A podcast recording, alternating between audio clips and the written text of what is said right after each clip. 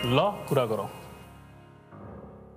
त्यही first episode होइन होइन by the way thank you for coming है अनि कस्तो हुन्छ यो एक्सपेरिमेन्ट हेरौँ हेर्दैछौँ तर एटलिस्ट यो हाम्रो लिगल फेटर्निटीको लागि पनि अलिकति इन्ट्रेस्टिङ एक्सपेरिमेन्ट हुन्छ जस्तो लागेको छ हामीलाई होइन लको कुरा गर्न साह्रै सधैँ बोरिङ भयो क्या लयर्सहरू लयर्सहरू बसेर गफ गर्दाको प्यानल डिस्कसन पनि मान्छेहरूले नसुन्ने म एउटा नन लयर अगाडि लयर होइन बसेर गफ गर्दा चाहिँ एउटा लेम्यानले सुन्न खोजिरह होइन? बुझ्न खोजिरहेको कुराहरू बुझाउन सकिन्छ कि भन्ने एउटा हाम्रो इनिसिएटिभ हो है? अनि दाइले ट्विटरमा वान लाइनर पन लेखे जस्तो चाहिँ वान लाइनर एन्सर चाहिँ नआओस्। त्यस्तो त नहोला। मेरो चाहिँ अब फर्स्ट अफ अल मेरो अड्डा अनि ल कुरा गरौँ भनेर जुन सुरुवात हुन खोजेको छ। त्यसमार्फत एउटा पोडकास्ट र भिडियो कास्ट दुइटै गरेर। त्यसलाई मेरो एकदमै बेस्ट विसेस एउटा चाहिँ भन्दै गर्दा यो ल भन्ने बित्तिकै एकदमै फर्मेलिटी बढी आधिकारिकता बढी हुने। त्यो प्रचलनले गर्दा लले लको विषयहरू जुन चाहिँ सा समाजसँग यस्तो जडिने विषयहरू अलिकति जटिल भएर बस्छ। त्यस कारण यस्तो जुन सुरुवात भएको छ यसले लको विषयलाई अलिकति अनौपचारिकता इन्फर्मेलिटी भन्दै गर्दा त्यसमा ल्याइसकेपछि चाहिँ लेम्यानलाई या ले पर्सनलाई समाजका जसले ल साधारणतया बुझ्नुपर्छ उहाँहरूलाई अलिकति सिम्प्लिफाईमा अलिकति सरल तरिकाले यो लको विषयहरू बुझाउने जुन जमर्को भएको छ त्यसको लागि आलोकलाई धेरै धेरै बधाई र धेरै धेरै शुभकामना। थ्याङ्क यू दाइ थ्याङ्क यू त्यही हाम्रो इन्टेन्सन पनि त्यही हो। यो प्रब्लम के भएको छ जस्तो लाग्छ भन्दा जेनरली हेर्दा पनि यो ल र लयर जहिले पनि चाहिने भने चाहिँ जब प्रब्लम पर्छ तब भन्ने भएको छ। धेरै जसो इस्युहरू पनि देखिन्छ कानुनको अज्ञानताको कारणले गर्दाखेरि पहिला होइन? अनि अब अभियसली हामीले देखाएको छौँ पब्लिक सेक्टरबाट गभर्मेन्ट सेक्टरबाट पनि खासै धेरै यो लिगल लिट्रेसीमा काम चाहिँ हुँदैन। फेरि कानुनको भाष्यहरू पनि त्यस्तै कम्प्लिकेटेड छन् बुझ्ने नबुझ्ने होइन? सो एउटा सानो एक्सपेरिमेन्ट हो यो पनि। ट्राई गरेर हेरौँ होइन? अनि एक्सपेरिमेन्ट एक्सपेरिमेन्ट साथसाथ अनुभव पनि हो। अनुभव यसले मलाई लाग्छ सफलता नै हासिल गर्छ। त्यो होइन म मेरो केही छैन त एमसीको एक्सपिरियन्स छैन मेरो। यो सोहरू छ होला एक्सपिरियन्स छैन होइन? सो हेर्दैछ कस्तो हुन्छ।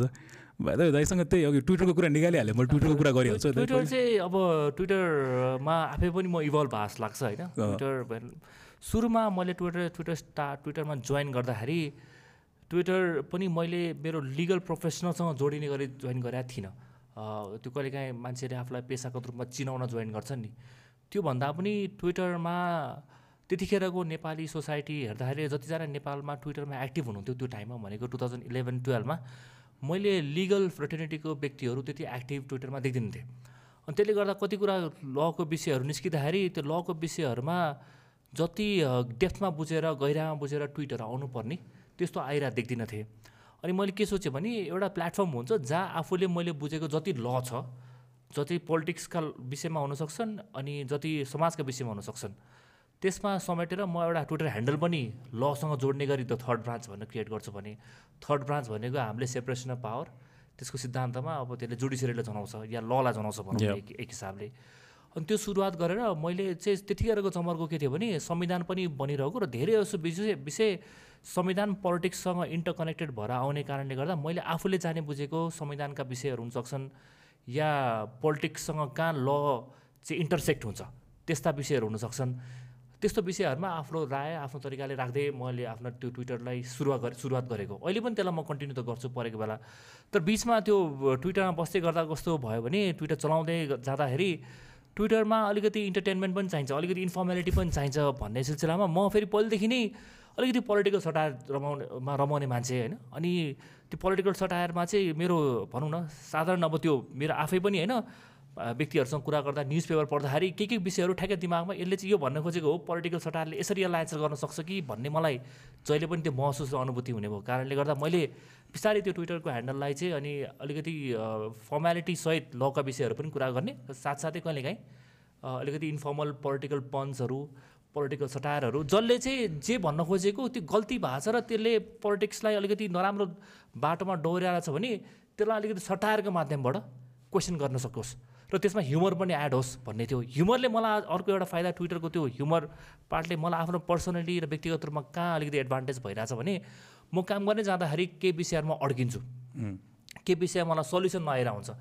एक दुईवटा यस्तो ह्युमरका विषय मैले क्र्याक गर्न सक्यो भने त्यसले मलाई आफै फेरि त्यो दिमागलाई फेरि रि भनौँ न रिओरिएन्ट गरे जस्तो क्रिएटिभिटी दिमागमा आए जस्तो आफैलाई त्यसले एउटा पोजिटिभ भाइब्स लिएर आएर त्यो माइन्ड नै हेल्दी भए जस्तो फिल भएर मैले कति सल्युसनहरू आफ्टर ट्विट्स आफ्टर त्यो आफूलाई भनौँ न त्यो गर्न सकेको मैले आफूलाई पनि महसुस भइरहेको छ क्या मलाई।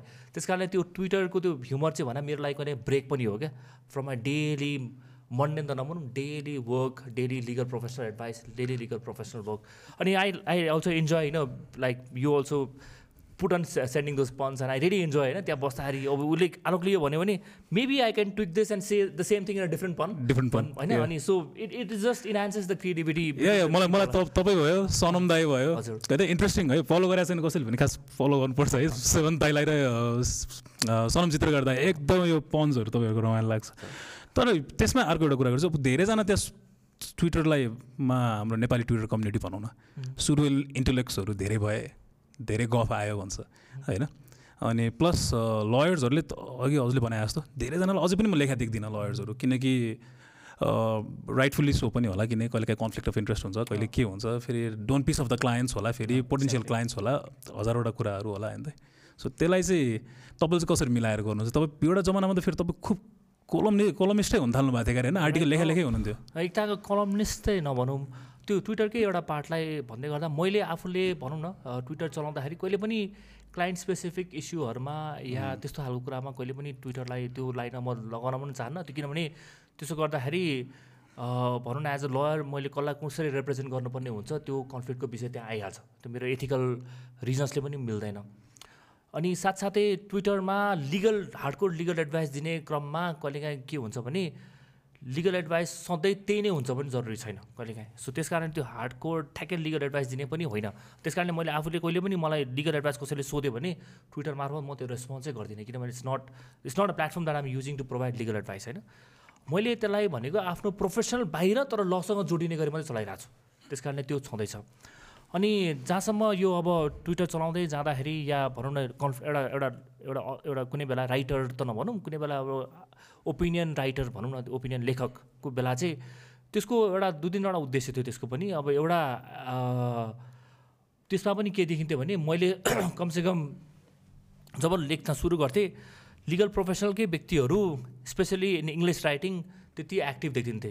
मभन्दा अगाडि मैले सुनेको जोगेन्द्र घिमिरे भन्ने हुनुहुन्थ्यो। उहाँले एकताका लिगल एङ्गल दिएर आर्टिकलहरू ओपेडहरू लेख्नुहुन्थ्यो अरे। अब त्यो पनि उहाँ बिस्तारै राम्रो एउटा जब पाएर नेपाल छोडेर बाहिर जानुभयो। तत्पश्चात अलिकति अनन्त राज दुइटेल उहाँले अलिकति त्यसलाई क्यारी ओभर गर्नुभएको छ कुनै हदसम्म। तर मैले जब मैले एक्टिभली लेख्न थालेँ काठमाडौँ पोस्टलाई र तत्पश्चात केही आर्टिकल नेपाली टाइम्सलाई त्यतिखेर त्यो दौरानमा चाहिँ ठ्याक्कै लिगली लिगल एङ्गल दिएर पोलिटिक्स समाजका कुरा गर्न सक्ने इङ्ग्लिसमा चाहिँ मैले त्यतिखेर अलिकति ग्याप पनि देख्थेँ। त्यो ग्याप मैले परिपूर्ति गर्न सक्छु भनेर पनि मैले लेख्न थालेँ। अनि त्यसले मलाई दुई तिनवटा अब मलाई त्यतिखेरको काठमाडौँ पोस्टको एडिटर त्यतिखेरको त्यहाँको ओपर एडिटर अखिलेश दाई त्यसपछि विदुषी त्यतिखेर ओपर एडिटर उहाँहरूले पनि मलाई धेरै इन्करेज पनि गर्नुभयो। नभए मैले त्यसरी स्पेस पनि पाउँथेँ होला। किनभने म भर्खरै ग्रेजुएट भएर आएको व्यक्तिलाई स्पेस दिएर आर्टिकल लेख्न दिनु त्यो पनि बारम्बार कहिलेकाहीँ फिफ्टी एभ्री फिफ्टिन डेज त्यो स्पेस पनि दिनु भनेको उहाँहरूले मलाई इन्करेज गरेको र एक किसिमले ट्रस्ट पनि गर्नुभयो होइन। अनि त्यो बिस्तारै त्यो पनि जाँदै गऱ्यो। पछि गएर अब त्यसलाई मैले कन्टिन्यू के हदसम्म त दिइरहेको छु तर सधैँ कन्टिन्यू चाहिँ दिन सकिरहेको छैन। तर त्यो ग्याप फिल गर्ने नयाँ अथरहरू आउनु भएको छ मार्केटमा भनौँ नयाँ अथरहरू आउनुहुन्छ डेली बेसिसमा लेख्नुहुन्छ डेली बेसिस भने विकली काहीँ काहीँ फिफ्टिन डेजमा तर आई थिङ्क त्यो इङ्ग्लिस राइटिङमा पनि लिगल चाहिन्छ र त्यो लिगल राइटिङले इङ्ग्लिसमा लेख्दाखेरि चाहिँ एउटा करियरलाई पनि हेल्प गर्छ र बुस्ट गर्दो रहेछ किनभने यदि you want to advise international clients त्यो इङ्ग्लिस राइटिङलाई स्थापन गर्दै गऱ्यो भने किन law is also about writing most of the time so त्यो त्यसलाई आफ्नो त्यो लिगल एडभाइस दिने कुरा ओपिनियन लेख्ने भयो भने त्यसले हेल्प गर्दै जान्छ। सो त्यसले मलाई हेल्प पनि गराएको छ र होपफुली त्यस्ता आर्टिकल्सहरू लिगल साइडबाट अङ्ग्रेजी नेपाली दुइटैमा लेख्ने अथरहरू आउनुहुन्छ। इङ्ग्लिसमा लेख्ने नेपालीमा लेख्ने।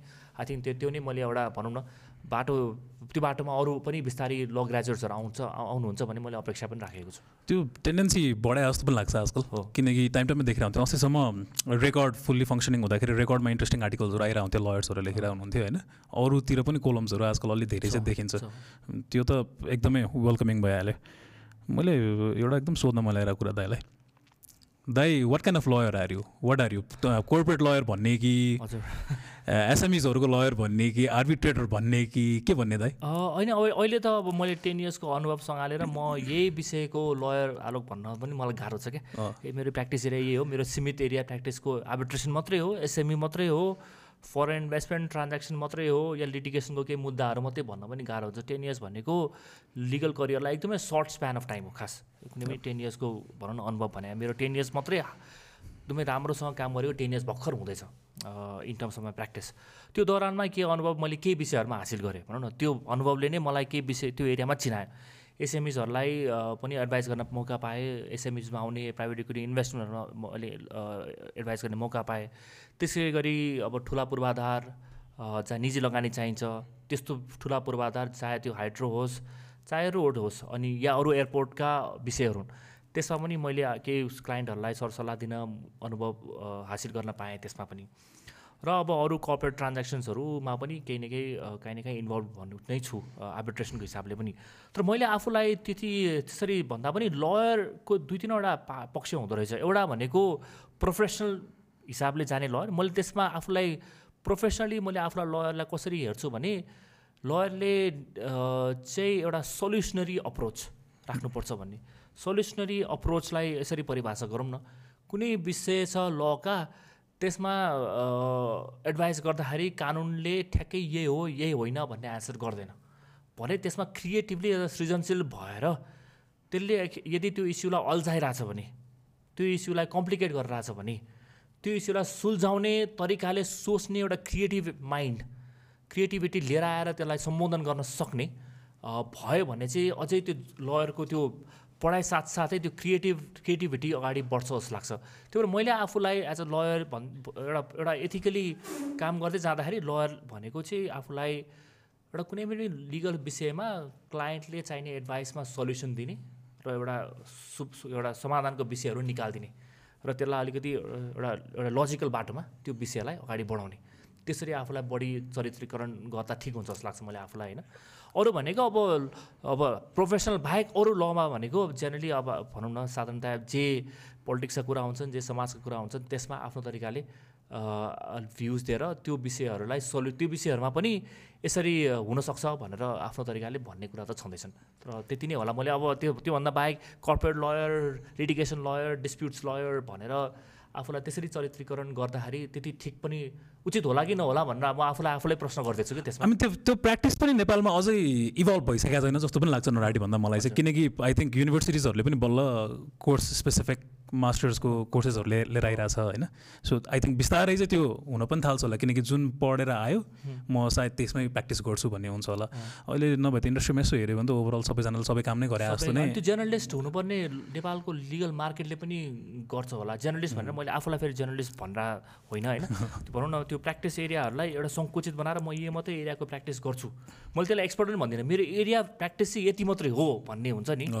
त्यो एरिया प्र्याक्टिसमा मात्रै सीमित गरेर जाँदाखेरि हाम्रो लिगल मार्केट हाम्रो कानुनको बजार भनौँ न त्यो एकदम एक्सपान्डेड छैन क्या त्यस कारणले एउटा मात्रै प्र्याक्टिस एरियामा फोकस गरेर काम गर्दाखेरि त्यसले ल फर्म सस्टेन गर्न सकि सक्दैन भनेर पनि एउटा ल फर्म चलाउँदाखेरि we might have to beyond एउटा practice area multiple practice area लिगलका मा काम गर्नुपर्ने अवस्था सृजना हुन्छ।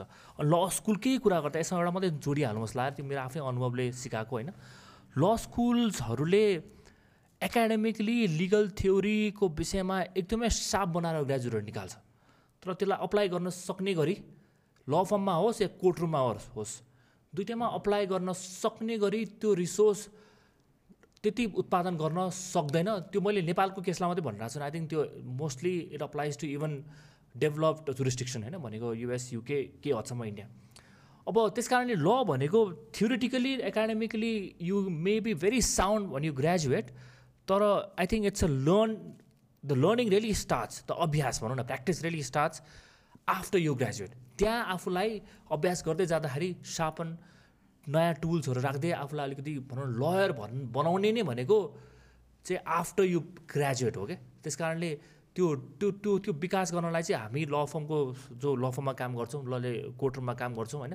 उहाँहरूले त्यो जति पनि ग्रेजुएट भएर आउनुहुन्छ उहाँहरूलाई थ्योरीबाट एप्लिकेसनमा लिएर जानलाई चाहिँ हामीले मद्दत गर्ने हो ठ्याक्कै गर्दाखेरि। ओके। यो लयर हुने जोस चाहिँ कहाँबाट चढ्यो त? यो किनकि मलाई याद भएसम्म हाम्रो जेनेरेसनले त ल भने त जहिले पनि लास्ट अफ द प्रायोरिटी नै हुन्थ्यो कि। किनकि ल पढ्छु भने त एकदम खत्रै के गरे हो कि चाहिँ होइन साइन्सै पढ्नु पऱ्यो डक्टर इन्जिनियर बन्नु पऱ्यो त्यो पनि भएन भने कमर्सतिर लाग्नु पऱ्यो कि। अनि त्यो पनि भएन भने ए लन्ठु रहेछ भने चाहिँ ल जाने भनेर भन्ने एउटा त्यतिखेरको एउटा नेरेटिभ थियो भनौँ न। हुन त अब दाइको फेरि बुवा पनि वरिष्ठ अधिवक्ता हुनुहुन्छ अहिले होइन? दाइको यता फ्यामिली साइड त विवाह पनि लिगल फ्यामिलीमै भएको छ होइन? यो अब बार लाइसेन्स लिनको लागि एक्जाम पास गर्नै पर्छ पढ्नै पर्छ यसलाई नेपोटिजम त भन्नु मिल्दैन मलाई थाहा छ होइन? It's it's a tough subject to study. तर त्यो समयमा तपाईँलाई तपाईँ ग्यालेक्सीबाट निक्लिसकेपछि होइन? तपाईँ ग्यालेक्सी ग्यालेक्सी स्कुल पढ्नुभयो। मैले टु थाउजन्डमा एसएलसी सकाएको हो। त्यसपछि तपाईँलाई लतिर जान्छु भन्ने कहिले कहिले चढ्यो? अब यस्तो थियो। ग्यालेक्सीको क्लास टेन जब मैले टु थाउजन्डमा सकाएँ त्यतिखेरको ग्रेजुएटहरूमा म I think top top twenty top twenty फाइभमा पर्थ्यो होला। भनौँ न मेरो डिस्टिङसनै छ एसएलसीमा। अनि डिस्टिङसन भनेको राम्रै पर्सेन्टेज थियो। त्यतिखेर त्यो डिस्टिङसन ल्याउँदाखेरि या ग्यालेक्सीको क्लास टेनको या क्लास नाइनमा एसएलसीको लागि पढ्दै जाँदाखेरि त्यतिखेर पनि मुख्य उद्देश्य इन्जिनियरै हुन्छु कि भन्ने नै थियो। कारण के पनि थियो भने सबैले यो सेमन त इन्जिनियरै हुन्छ भन्ने फ्यामिली साथीहरूले पनि भन्थे। किनभने मैले दुई कक्षामा पढ्दा टिभी खोलेको थिएँ घरमा। पहाडीको टिभीको एन्टायर सेटअप झिकेर त्यो टिभी खोलखाल गरेर भित्रको पार्ट पुर्जा निकालिदिएको थिएँ होइन? त्यस कारणले घरमा पनि यो चाहिँ होइन यसले खोलखाल गर्दो रहेछ यसको दिमाग इन्जिनियरिङतिरै लाग्छ कि भन्ने घरमा त्यो खालको थियो सबैको। स्कुलमा पनि एक्जिबिसन हुँदाखेरि साइन्स खालका कहिले डाइनामो बनायो कहिले यस्तो घुम्ने के चक्का बनायो यस्तै यस्तै गर्थेँ म। अब त्यस कारणले सबै साथीभाइहरूले पनि यो इन्जिनियरकै यसको दिमाग त्यतातिर नै ओरिएन्ट छ कि भन्ने भन्ठान्थे अनि क्लास टेनमा आइसकेपछि एसएलसी दिइसकेपछि चाहिँ म त्यतिखेर म स्योर थिइनँ इन्जिनियर बन्ने कि डक्टर भन्नेमै कन्फ्युजन थियो। अनि त्यस कारणले मैले काठमाडौँ युनिभर्सिटी पढेँ जहाँ चाहिँ त्यो काठमाडौँ युनिभर्सिटी पढ्दाखेरि आइएससी पढ्दाखेरि पनि सबै पढ्नु पर्थ्यो त्यतिखेर त्यो स्ट्रिम छुट्टिन्थ्यो नि त फिजिक्स हो कि बायो भन्ने। त्यो छुट्टिँदैन थियो मैले के सोचेँ भने आखिर म अझै पनि स्योर छैन डक्टर बन्छु कि इन्जिनियर बन्छु। म सबै विषय समेट्ने गरी काठमाडौँ युनिभर्सिटीमा आइएससी पढ्छु भनेर त्यहाँ कम्प्युटर साइन्स पनि कम्पलसरी पढाइ हुन्थ्यो इनफ्याक्ट आइएससीको कोर्स त्यसरी डिजाइन गरेको थियो केयुको। अनि केयुबाट ग्रेजुएट भयो टु टु इयर्स। केयु पढ्दाखेरि पनि काहीँ न काहीँ अलिअलि त्यो ललाई मलाई डोराउने इन्फ्लुएन्सहरू भएको जस्तो लाग्छ। केयु पढ्दा के भयो भने काठमाडौँ युनिभर्सिटी पढ्दाखेरि म एउटा त अब काठमाडौँबाट धुलिखेल बसमै आउने जाने कम्प्युट गर्ने तरिकाले पढेँ। तर मलाई त्यो ग्यालेक्सीबाट केयुको ट्रान्जिसनमा ठुलो एउटा लाइफ लर्निङ र अलिकति चेन्ज के महसुस भयो भने ग्यालेक्सीसम्म पढ्दाखेरि एउटा अनुशासनको स्कुलको अनुशासनभित्र बसेर एउटा अनुशासनमा बस्ने खालको वातावरणमा हामी थियौँ। त्यो स्कुलबाट इन्फ्लुएन्स अनुशासन भनौँ न केही के हदसम्म। क्यु जाँदाखेरि we are now with undergraduates master student सबै एउटै कम्युनिटी त्यहाँ त एक किसिमले त यति धेरै स्वतन्त्रता पाए जस्तो भयो कि त्यो मेजर सिफ्ट भयो मेजर सिफ्ट भयो त्यो क्युमा त होइन अब बसमा जाँदाखेरि पनि आफूभन्दा अब five six years elder are about to graduate उनीहरूको थिङ्किङसँग हामी एकदमै जोडिन थाल्यौँ होइन। मास्टर्स पढ्ने पनि थिए बसमा पनि। कलेजमा गयो चिया चिया खाँदाखेरि होस् कहाँ होस् होइन त्यो मच्योर दिमागमा मच्योरै नभएको दिमागमा धेरै सिनियरहरूको त्यो बोलीचालीबाट पनि के के के के इन्फ्लुएन्स हुन थाल्छ नि होइन? त्यो अब चिया पसलमा होस् कुरा गर्दै जाँदै होस् कहिले काहीँ पुल खेल्दा होस् त्यो युनिभर्सिटीको छेउमा होइन? त्यो खालको त्यो सिनियरहरूसँगको एउटा त्यसले डिफ्रेन्ट एउटा दिमागलाई कता कता मोल्ड गरे जस्तो पनि मलाई फिल भयो। मेन चाहिँ त्यहाँ अलिकति फ्रिडम महसुस भयो होइन? थोरै भयो भने फ्रिडम चाहिँ हुँदो रहेछ है भन्ने महसुस भयो। तर त्यो फ्रिडममै पनि के भयो भने हामी पढ्दाखेरि ठ्याक्कै त्यतिखेर द्वन्द्वकाल अलिकति उत्कर्षमा पनि पुगेको सङ्कटकाल घोषणा भयो। सङ्कटकाल घोषणा भएपछि केयुबाट धुलिखेलबाट काठमाडौँ काठमाडौँ आउँदा काठमाडौँबाट धुलिखेल जाँदाखेरि बेलुका म साढे छ बजे फर्किने घरमा बिस्तारै त्यो ठाउँ ठाउँमा सुरक्षा चेक जाँच कहिले पलासे कहिले कोटेश्वर कहिले साँगा हुँदै गर्दा कहिले आठ बजे पनि आइन्थ्यो। सुरक्षा चेक जाँच हुँदाखेरि त्यतिखेरको अब अनौठो के नलागे पनि अब कहिले भनौँ न युनिफर्ममा एउटा ड्रेस कोड लगाएको व्यक्ति बसभित्र छिरेर ब्यागमा के छ ब्यागमा के छैन आज कताबाट आएको भन्दा सोद्धाखेरि पनि होइन त्यो एउटा एउटा त्रासको वातावरणमा त्रास जस्तो हुने त्रसित हुने अब त्यो डराउँदा हामी डराउँदैन थियौँ। तर त्यो हुन्छ नि त्यो क्याजुअल फिल नहुने त्रसित हुने त्यसले गर्दा पनि होइन यस्तो पनि हुँदो रहेछ। यो त के भइरहेछ जस्तो महसुस त्यहाँ पनि हुन्थ्यो। ग्रेजुएट भयो ग्रेजुएट हुँदाखेरि पनि भइसकेपछि पनि अब होइन अब त्यसपछि चाहिँ म अलमोस्ट इन्जिनियर पढ्दिनँ डक्टरै पढ्छु भन्ने पुगिसकेको थिएँ जोइन पनि गरेँ। मेडिसिन पढ्नलाई त्यो प्रि मेडिसिन गर्ने स्कुल के ट्रेनिङ इन्स्टिट्युटहरूमा पढ्यो पनि।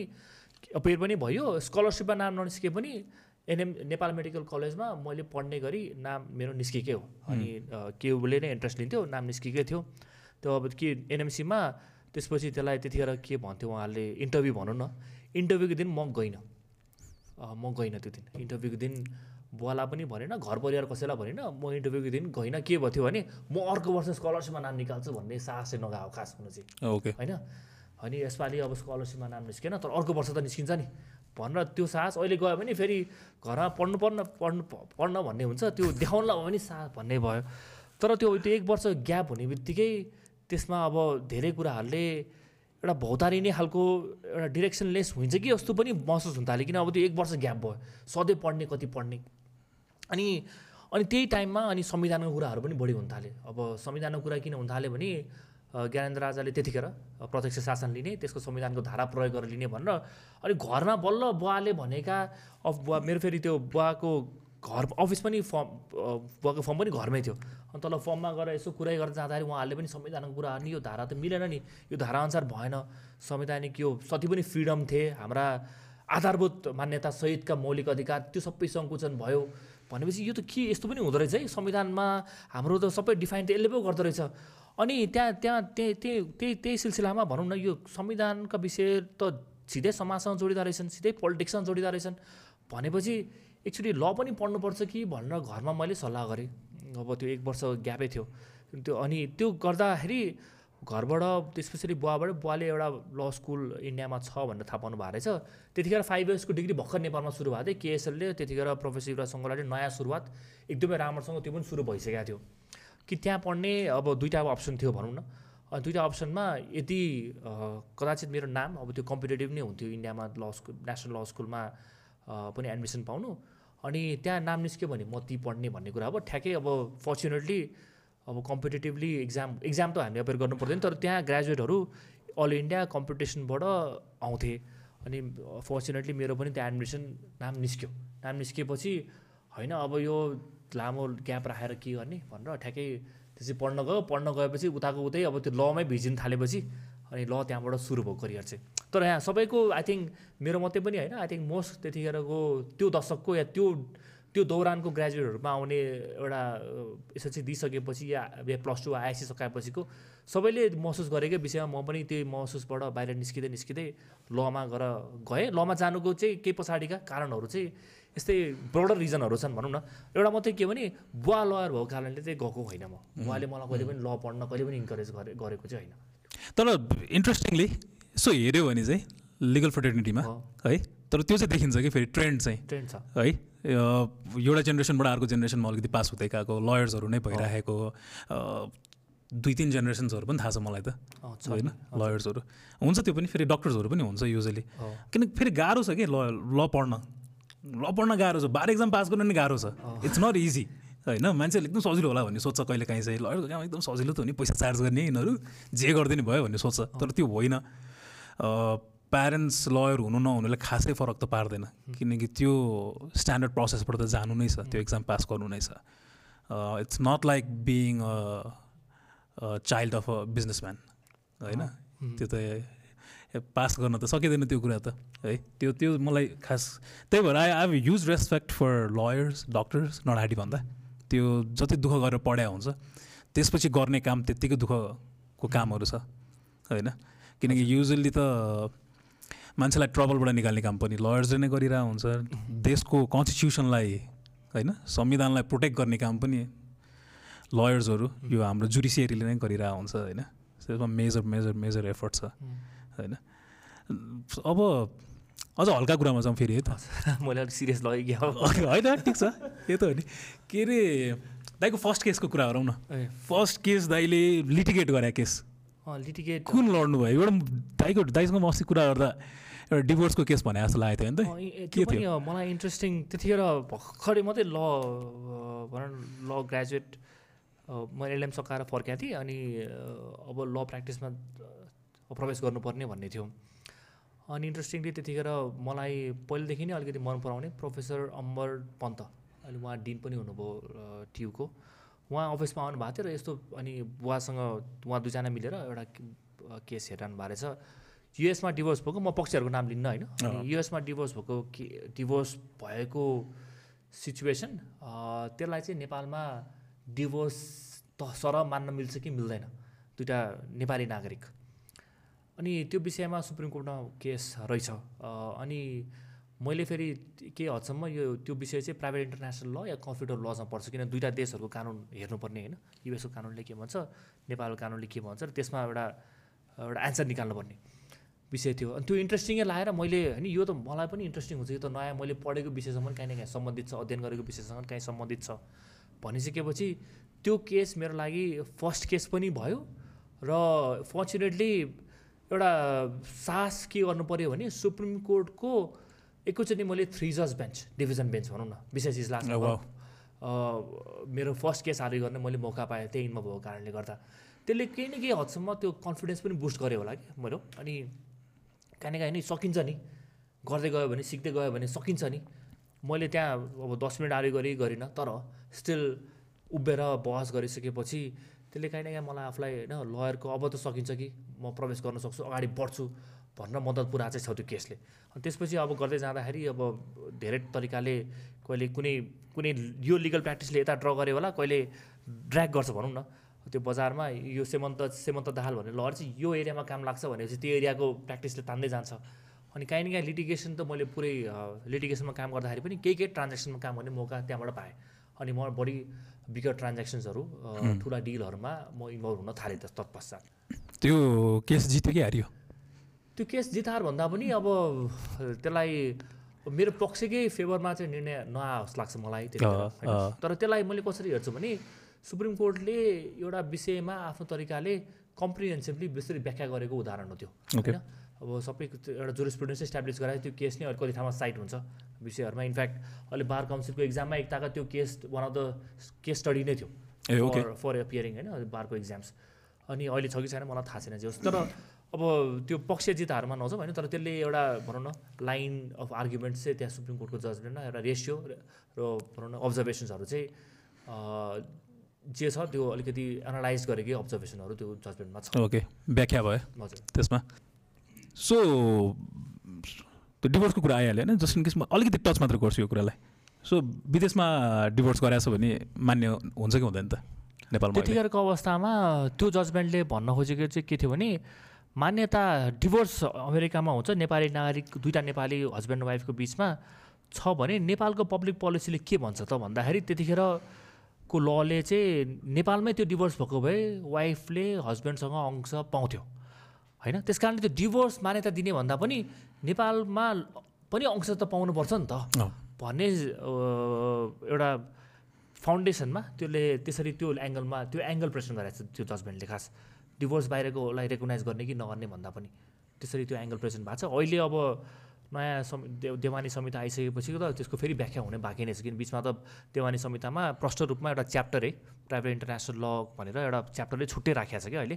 प्राइभेट इन्टरनेसनल ल भनेको दुईवटा देशका कानुनहरू जोडिएका विषयहरू छन् या दुईवटा तिनवटा देशका आफ्नो लोकल कानुनहरू। इन्टरनेसनल आफ्नो देशका डोमेस्टिक कानुनहरू जोडिएको छ भने के गर्ने भन्ने सिलसिलामा अहिले च्याप्टरै छ। हो त्यसमा चाहिँ व्याख्या हुँदै जाला कसरी अगाडि बढ्छ भन्ने। होप सो अनि अलिकति गियर सिफ्ट गरौँ है त।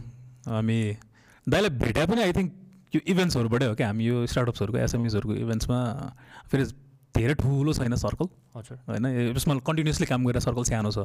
सो त्यही सर्कल्सहरूको इभेन्ट्सहरू भइराख्ने त्यो भेट्या। दाइलाई धेरै देखिरहेको छ। युजली हामी तल दाइलाई माथि स्टेजमा देखिरह।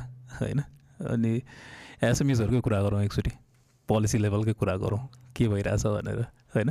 यो जति कुरा गरिन्छ नि स्टार्टअप्सहरू एसएमइजहरूलाई नेपालमा खासमा काम गर्न गाह्रो छ भनेर इज अफ डुइङ बिजनेस पनि भन्छौँ हामीले। त्यो त इज अफ डुइङ बिजनेस मात्रै होइन कि ease of starting a business ease of doing business ease of closing the business. यो सबै कुरामा त हामी निकै तल छौँ।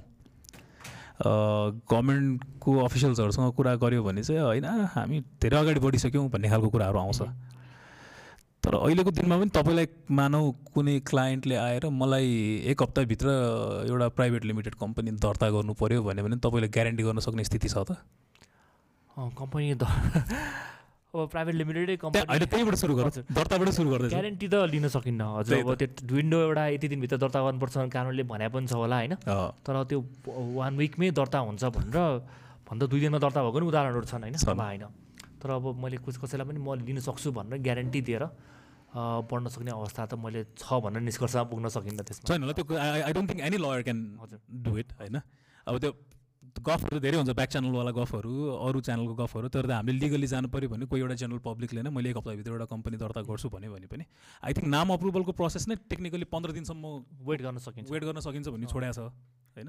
त्यो पनि मेरो आफ्नै छ फेरि अब त्यसमा नि के के युज गर्न पाइन्छ के के युज गर्न पाइँदैन यो इज अफ डुइङ बिजनेसको बारेमा कुराहरू हुँदा होइन? यो स्पेसली मैले पनि याद गरिरहेको स्टार्टअप्सहरू एसएमइजहरूसँग कुरा गर्दा काम गर्दाखेरिको जहिले पनि सुरु गर्दाको हेडेक पनि एउटा छ। एओए बनाउरे एमओए बनाउरे के के बनाउरे होइन इनिसियल्ली नै पेपरका पेपर ठेलीका ठेली अब मलाई त युएसको एउटा एक्सपिरियन्स के छ भन्दा त्यति गाह्रो थिएन कि। बिजनेस स्टार्ट गर्न सो इजी। होइन इन्कर्पोरेसनको डकुमेन्ट्स बनाइन्थ्यो पठाइन्थ्यो। त्यो पनि त्यस्तो एमओए बनाए जस्तो रकेट साइन्स जस्तो थिएन। यो त रकेट साइन्सै लाग्छ नडाडी भन्दा अहिलेको। अनि सिटीसँग बिजनेस लाइसेन्स लिन जानु पनि एकदम सजिलो थियो। सिटीले। दिइहाल्थ्यो। वान डेमा इस्यु भइहाल्छ त्यो। अलिकति थोरै टाइम लाग्ने भनेको त्यो ट्याक्स आइडी लिने हुन्थ्यो। त्यो पनि आइआरएसलाई सबै इन्फर्मेसन पठाइसकेपछि मेलबाट आइपुग्थ्यो। दुई चार दिनमा एक हप्तामा आइसक्थ्यो। त्यसपछि मजाले बिजनेस गरे भयो। फर्दर अर्को देखिरहेको इन्ट्रेस्टिङ कुरा भने बाहिर वेस्टर्न वर्ल्डमा भनौँ न एउटा बिजनेसले धेरै बिजनेसहरू गरेर देखिन्छ कि। मल्टिपल बिजनेस जस्तो एमाजोन नै हेर्नु अहिले कहाँ पुगिसक्यो गुगल कहाँ पुगिसक्यो मल्टिपल बिजनेसेसहरू गर्छ उनीहरू न एटलिस्ट उनीहरूलेको मार्क नपुगेको ठाउँ त कमै होला आजकल। हाम्रोमा चाहिँ नयाँ काम केही इनिसिएट गर्न थाल्यो कि? अब्जेक्टिभमा छ कि छैन भन्ने। क्वेसन आउँछ। होइन? संशोधन गर त्यसलाई त्यसलाई अलिकति संशोधन गर्नुपर्ने हो कि होइन? अमेन्डमेन्ट गर्ने होइन। नयाँ केस बन्छ त्यहाँ फेरि अर्को। अब एसएमइजहरूको हिसाबले सोच्यो भने त त्यो त धेरै गाह्रो कुरा भयो। किनकि उनीहरू त एक्सपेरिमेन्ट गर्ने फेजमै हुन्छ सो एउटा कुरा यो काम गरेन भने म अर्को कुरा गर्छु भनेर रेडी भइसकेको हुन्छ। किन दिमाग त्यहाँ हुन्छ टेक पनि सायद त्यहाँ हुन्छ उनीहरूसँग अहिलेको इनोभेसनको हिसाबले होइन? तर पोलिसी त हामीसँग त्यहाँ हुँदैन फेरि। यो how do you see it कसरी कसरी गइरहेछ यो? होइन यसमा धेरै धेरै प्रगति भए पनि हामी भनौँ न यो युज अफ डुइङ बिजनेसको लागि सरलीकृत गर्ने स्ट्रिमलाइन गर्ने प्रोसेस वान विन्डोमा काम हुँदै पनि हामी एकदमै सेटिस्फाई भएर होइन सब ठिक भयो भन्ने सक्ने अवस्थामा पुग्न सकिरहेको छैनौँ। अनि यो यो एक्सर्साइज भनेको कमसेकम पनि लास्ट दस वर्ष बाह्र वर्षदेखि एक्सर्साइज भइ नै रहेको छ त्योभन्दा अगाडिदेखि पनि भइरहेको थियो होला। अनि त्यसो गर्दै गर्दा कस्तो काहीँ काहीँ के भइरहेछ भने कम्पनी दर्ताको कुरा छ कम्पनी दर्ता गर्न नाम अप्रुभल यहाँले भने जस्तै होइन आलोकले भने जस्तै नाम अप्रुभल गर्न टाइम लाग्छ कहिले नामै अप्रुभ हुँदैन रिजेक्ट पनि हुन्छ कहिले। होइन? त्यो पनि छँदैछ। अब कानुनहरूमा सुधार भएकै छ नभए होइन तर स्टार्टअपलाई जति फर्मेलिटी स्टार्टअप भनेको चाहिँ एकदमै क्रिएटिभली यो काम गर्छु भनेर अगाडि आएको एउटा एन्टिटी या ग्रुप अफ पिपल हो नि त होइन? त्यसलाई यो हाम्रो कानुनले जुन लेभलको फर्मेलिटीमा राख्न खोज्छ त्यसले त्यसलाई डिस्करेजै गर्छ। हामीले स्टार्टअपलाई भनेर अलिकति सजिलो बाटो र सजिलो उपाय र सजिलो प्रोसेसलाई इन्ट्रोड्युस गराएन भने स्टार्टअपहरू हाम्रो सिस्टममा ग्रो हुन सक्दैन। यो एकदमै फर्मल दर्ताको प्रोसेस कम्प्लायन्सको प्रोसेस टु मच होइन यसलाई एकदमै व्यापक बनाउँदै जा फेरि हाम्रोमा के छ भने एउटा सानो काहीँ कसैले गल्ती गरेको छ भने त्यसको कम्प्लायन्स लेभल ध्यान बढाइदिएर त्यो सबैलाई लागु हुनेहरू बनाइन्छन्। One bad apple then it applies to all the apples होइन? अनि त्यो सिस्टमबाट गर्दाखेरि त अनि झन् कम्प्लायन्सको लेभल बढ्ने मोर पेपर मोर फर्मेलिटी यसले त यो सिस्टमलाई ग्रो गर्न मद्दत गर्दैन। स्टार्टअपमा पनि हामीले अब म यसमा इङ्गेज हुनुको कारण आरक जस्तै अरू साथीभाइ मेरो दाईहरूले मलाई एउटा लिगल व्यक्ति पनि चाहिन्छ है स्टार्टअपको कम्युनिटीमा बोल्नलाई भनेर इनपुट्स दिनलाई भनेर फिडब्याक दिनलाई भनेर राखेर म पहिलेदेखि अब काहीँ न काहीँ कहिले दिपेन्द्र चौलागाई कहिले विशाल ढकाल होइन? त्यो कम्युनिटी कहिले काहीँ पिओटु मार्फत पनि म इङ्गेज हुँदै आइरहेको छु र त्यो धेरै जस्तो सपोर्ट त मैले स्टार्टअपलाई दिने मबाट मैले जति गर्न सकेको छु भनौँ न त्यो धेरै जस्तो प्रो बोनो लेभलमै हुन्छ कति जति पनि काम गर्दाखेरि। अनि स्टार्टअपलाई भनेर बारम्बार एउटा स्टार्टअप पोलिसी तयार गर्ने स्टार्टअपको लागि डकुमेन्ट तयार गर्ने स्टार्टअप गाइडलाइन्स भन्ने सरकारले स्टार्टअप फन्ड च्यालेन्ज भनेर लिएर आउने ठोकाउने चाहिँ कहाँ ठोकिँदै कहीँ पनि ठोकिँदैन त्यो। कता कता रुमलिन्छ डकुमेन्ट कता कता हराउँछ। भनेको मतलब सिन्सियरिटी नै स्टार्टअपलाई ग्रो गर्न भनेर त्यो पोलिसी लेभलमा सिन्सियरिटी नै नपुग्या हो कि? होइन? त्यो सिन्सियरिटीमा अभाव छ क्या? सिन्सियरिटीमा अभाव छ पोलिसी मेकरमा अभाव छ। एउटा देखाउने डकुमेन्ट मात्रै बनाएर पनि हुँदैन। त्यो देखाउने डकुमेन्ट पनि काम लाग्ने र कार्यान्वयनमा हुन सक्ने हो- बन्नु पऱ्यो त्यस कारणले यो स्टार्टअपलाई ग्रो गर्नलाई हामीले गर्न सक्ने काम पर्याप्त भएकै छैन। र यस यो तरिकाले चाहिँ नेपाल साँच्चीकै स्टार्टअपमा अगाडि बढ्छ र एसएमइजहरूले साँच्चीकै ग्रो गर्न सक्छ भन्ने यो वातावरणले चाहिँ त्यो अवस्थामा पुर्याउन सक्छ भनेर चाहिँ म भन्न सक्ने अवस्थामा छुइनँ। धेरै कुराहरू डिस्करेजिङै छ अहिलेसम्म। यो स्टार्टअप भन्ने शब्द नै सायद लिगल डकुमेन्टमा आएको धेरै भएको छैन होला। हामी लिगल डकुमेन्ट त पोलिसी त एकछिन नजाउँ त्यहाँ जाँदै नजाउँ। लिगल डकुमेन्टमा नि आएको छैन। छैन होला। लेजिस्लेटर्सहरूले र आई थिङ्क मिनिस्ट्रीले सायद फर्स्ट टाइम डकुमेन्टमा कतै लिएर आएको भनेको सायद यो लकडाउनको समयमा हो कि जस्तो लाग्छ मलाई। त्यतिखेरै अर्थ मन्त्रालयले एउटा नवप्रवर्तनशील या फन्डको एउटा फन्डको परिकल्पना गरेको ग्रान्टको एउटा परिकल्पना गराएको थियो क्यारे अनि त्यो पनि प्लानिङ कमिसनसँग मिलेर गर्ने भनेको थियो। तर लास्टमा गएर चाहिँ त्यो फन्ड नै कहाँबाट आउँछ भन्ने कुरा थाहा नभएको कारणले गर्दा collapse भयो एक्ज्याक्टली भने अब जस्तो यतिसम्म लाग्छ। सुन्यो कि त्यो फन्ड छ भन्यो तर काहीँ पनि त्यो बजेट एलोकेसनको विनियोजनमा त्यो फन्डलाई दिने पैसा काहीँ पनि देखिएन भन्ने पनि कुरा आयो। भनेपछि हाम्रोमा कति लेभलमा एडक काम हुन्छ भन्ने त्यसको एउटा प्रष्ट उदाहरण त्यो पनि छँदैछ। सिन्सियरिटीको अभाव फेरि त्यसमा पनि। त्यसलाई त्यसलाई फलो गरेर चाहिँ एउटा राम्रो अर्को इनिसिएटिभ चाहिँ देखाएको थियो। आई थिङ्क बागमती प्रदेशले चाहिँ फेरि त्यसपछि चाहिँ हजुर। अफिसियली नै त्यसलाई लिएर आएको थियो क्या अरे अहिले पनि नयाँ मन्त्रीमण्डल बनिसकेपछि अलिअलि हल्ला सुन्ने छ गफ सुन्ने छ। अस्तिको त्यो आई थिङ्क त्यो साझा कार्यक्रममा पनि एउटा स्टार्टअप सम्बन्धी शब्द। परेको छ। त्यो। स्टार्टअप भन्ने शब्द परेको छ। मलाई चाहिँ त्यो फर्मल्ली त्यो शब्द पर्या देखेर पनि आजकल चाहिँ अलिकति केही चाहिँ कि। स्टार्टअपलाई अब एउटा शब्द रेकगनाइज भएपछि फेरि यहाँ च्यालेन्ज के रहेछ भने केलाई स्टार्टअप डिफाइन गर्ने? भन्न फेरि अर्को एउटा चुनौतीपूर्ण अवस्थामा हामी स्टार्टअपको पोलिसी लेख्दै लेखेर बस्दाखेरि पनि त्यो गाह्रो काम रहेछ होइन? अब। केही उदाहरणहरू हामीले इन्डियाको लिन सक्छौँ काहीँ सेन्ट्रल एसियाको कन्ट्रिजहरूले पनि राम्रो गरेको छ जर्जिया लगायतका। तर यही ठ्याक्कै हामीले गर्न सक्ने ठाउँ काहीँ काहीँ कानुनले पनि रोक्दो रहेछ। हामीले स्टार्टअप भन्यौँ र अरू कम्पनी भनौँ। न त्यसमा अब डिस्टिङसन के त? एउटा साधारण एउटा रेगुलर कम्पनी र स्टार्टअप हुने कम्पनीलाई दिनेमा सुविधै फरक आउँदैन भने स्टार्टअप भन्न त्यसलाई डिफाइन गर्नु के फाइदा? छैन जरुरी छ जरुरी छैन नि त। छैन। त्यस कारणले पनि हामीले स्टार्टअपको पोलिसी जब फेरि बनाउने एक्सर्साइज त होला या इम्प्रुभ गर्ने एक्सर्साइज त होला होइन त्यो एक्सर्साइजमा जो काम गर्नुहुन्छ जसले यसमा मौका पाउनुहुन्छ काम गर्ने त्यसमा चाहिँ स्टार्टअप कम्युनिटीको व्यक्तिहरूसँग डाइरेक्टली सुझावमा बसेर काम गर्नुपर्छ। नभए यो अलिकति ब्युरोक्रेसी लेभल ड्रिभनबाट भयो भने यताको जुन चाहिने थर्ड प्रोसेस छ नि स्टार्टअप कम्युनिटी ल्याउने त्यो थर्ड प्रोसेस ल्याक भएको डकुमेन्ट फेरि त्यो डकुमेन्ट मात्रै रहन्छ कार्यान्वयनमा जानै सक्दैन। मलाई त्यही इन्ट्रेस्टिङ लाग्छ। अहिलेको एक्जिस्टिङ लको कुरा गऱ्यो भने त त्यस्तै लाग्छ होइन। अब चौधरी ग्रुपलाई गभर्न गर्ने ल र एउटा हिजो भर्खर खुलेको एउटा स्टार्टअपलाई गभर्न गर्ने ल त एउटै छ। हजुर। खासै त्यसमा त डिफ्रेन्स त म केही पनि देख्दैन। के छ र? त। छैन नि। छैन नि होइन। कम्प्लायन्स त्यही हो। यदि दुइटै चौध ग्रुपको नलिमा ठुलो बिजनेस हाउस पनि प्राइभेट लिमिटेडमै दर्ता छ र एउटा स्टार्टअप पनि प्राइभेट लिमिटेडमै दर्ता छ। कुरा त एउटै हो। अब पब्लिक लिमिटेड भयो भने मेबी उसको कम्प्लायन्स र उसले गर्नुपर्ने अरू दायित्व बढी भएर जाला। आखिर ठुलो बिजनेस हाउस पनि प्राइभेट लिमिटेडमा दर्ता छ र स्टार्टअप प्राइभेट लिमिटेडमा दर्ता छ भने केही फरक छैन। आई ट्रिटमेन्ट एउटै हो व्यवहार एउटै हो हुने। अनि त्यसो गऱ्यो भने त त्यो स्टार्टअप कसरी कम्पिट गर्न सक्छ भने? सक्दैन नि त। So way way do we go यहाँबाट चाहिँ? कता जाने त अब? के हो त हाम्रो सोल्युसन हामीले पोलिसीमा होइन मैले मात्रै होइन भन्दै आएको सल्युसनहरू आई थिङ्क मार्केटमा छन् डकुमेन्टहरूमा छन् होइन? नयाँ मैले के भन्न सक्छु जस्तो लाग्दैन। जे छन् त्यसलाई रिपिट गर्ने हो। त्यो दिएको सल्युसनलाई चाहिँ साँच्चीकै इम्प्लिमेन्ट गर्नु पऱ्यो भन्ने मात्रै हो कि? स्टार्टअप पोलिसी चाहिन्छ I think that's a solution startup पोलिसीमा स्टार्टअपलाई डिफाइन गर्नु पऱ्यो स्टार्टअपलाई डिफाइन गरिसकेपछि स्टार्टअपलाई दिने सुविधा के के हो? त्यो एक्स्ट्रा सुविधा भनिरहेको छु मैले। जे अरू कम्पनीलाई दिएको सुविधा भन्दा एउटा स्टार्टअपले पाउने एक्स्ट्रा कहिलेकाहीँ त स्टार्टअपलाई पैसा पनि चाहिँदैन। एक्स्ट्रा फेसिलिटी भनेकै के हो भने उसको कम्प्लायन्स लेभल घटाइदिनु पनि उसलाई ठुलो सुविधा हुन्छ भने।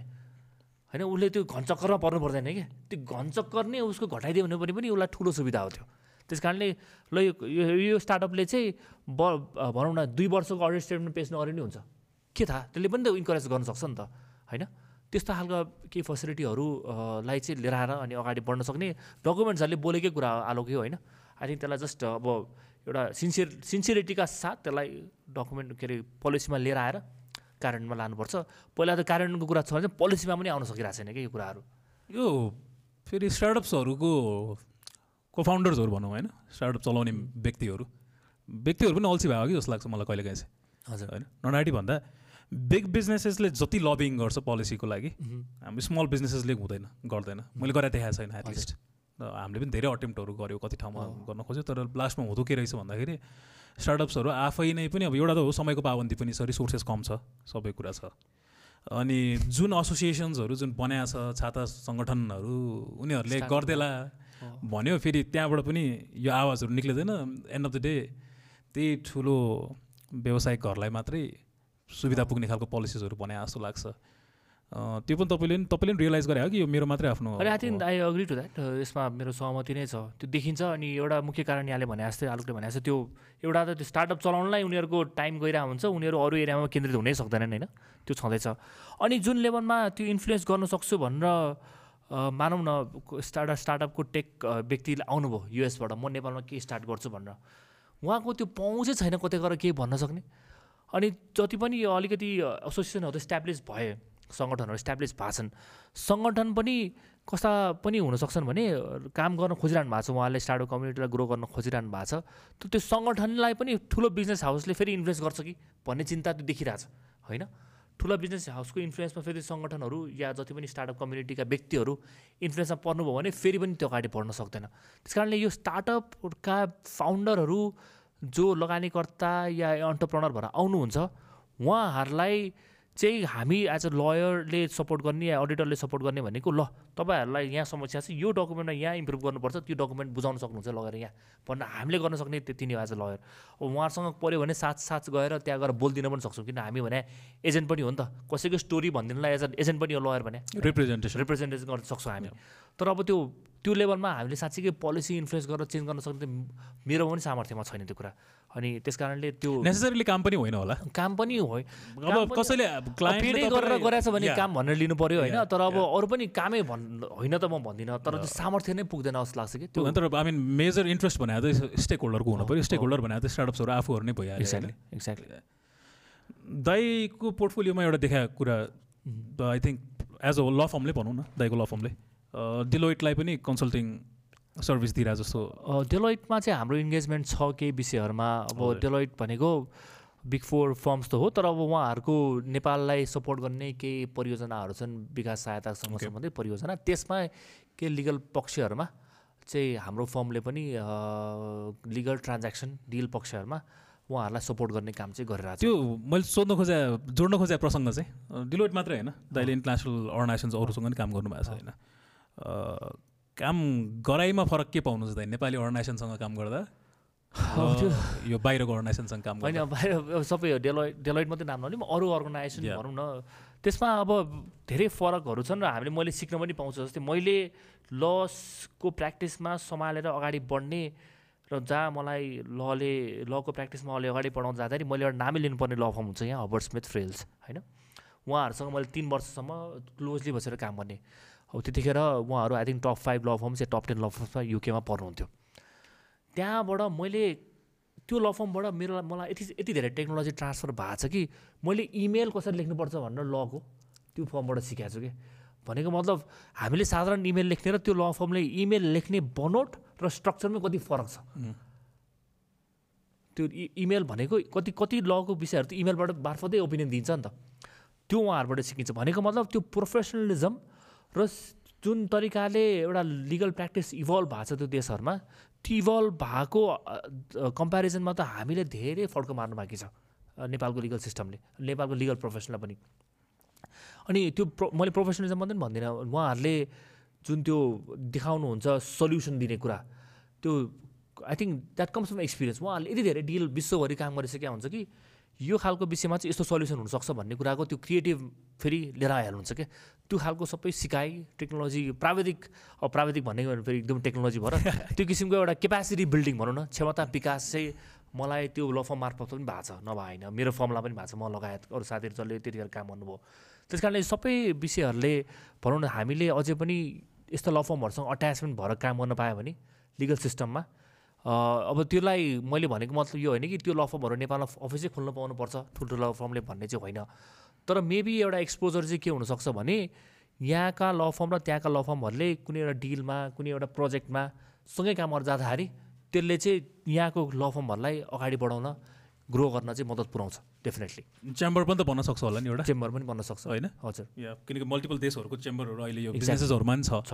होइन? त्यसले त नलेज सेयरिङ र यो सबै नलेज सेयरिङ चाहिँ तर भनौँ न जस्ट थ्रु यो ट्रेनिङ वर्कसप्स भएर चाहिँ त्यसले अपुग हुँदो रहेछ कि अन द जब भनेको एउटा ट्रान्ज्याक्सनमा end to end real case real case. त्यहाँ काम गर्न पायो भने त्यो जस्तो सजिलो तरिकाले एक्चुली टेक्नोलोजी ट्रान्सफर चाहिँ त्यहाँ हुन्छ। क्यापासिटी बिल्डिङ त्यो मार्फत हुन्छ। अनि मैले अब अरू ल फर्म अरू एन्टिटी डेलोइड लगायतबाट मेरो ल फर्म लाएर मलाई भएको नै त्यही हो खास।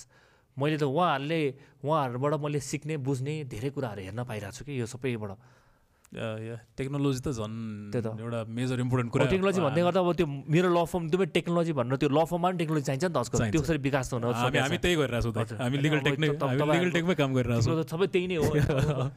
अब त्यही मलाई त्यही इन्ट्रेस्टिङ लाग्छ। मैले देख्या बाहिर देख्या। र हामीलाई निड नेपालमा छ भन्ने कुरा रियलाइज भएको नि त्यहीँबाट हो क्या। एउटा सानो सानो paralegal firm legal law firm पनि होइन। प्यारालिगल फर्म एउटा single paralegal uses more technology then हाम्रो नेपालको ठुलोभन्दा ठुलो टन्न मान्छे भएको ल फर्म अँ। अनि त्यही भएर उहाँहरूले केस लोड पनि धेरै लिन सक्नुहुन्छ। एफिसियन्सी पनि हाई हुन्छ। होइन अब यो यो गफ गऱ्यो भने त कहाँ पुग्छ पुग्छ मलाई थाहा छ फेरि एकदम लामो गफ हुन्छ किनकि यसमा रेगुलेटरी बडीदेखि लिएर सबैजनाको रोलको डेफिनेसनको कुराहरू आउँछ। माथिबाटै गभर्मेन्ट अबको कुराहरू आउँछ होला। दाइलाई थाहा छ एउटा इन्ट्रेस्टिङ कुरा। सबैभन्दा कम बजेट पाउने मन्त्रालय ministry of law and justice हो भनेर एभ्री सिङ्गल बजेटमा हो। त्यति एकचोटि चाहिँ ministry of law and justice अन्तर्गतै जुडिसियरीले पनि बजेट पाउने हो होइन? अब युजली यो टोटल बजेटको एटलिस्ट फाइभ पर्सेन्ट चाहिँ लिगल सेक्टर या जुडिसियरीमा जानुपर्छ भन्ने हुन्छ। प्रिन्सिपल धेरै औषध देशले अँगालेको हाम्रोमा नट इभन वान जान्छ होइन।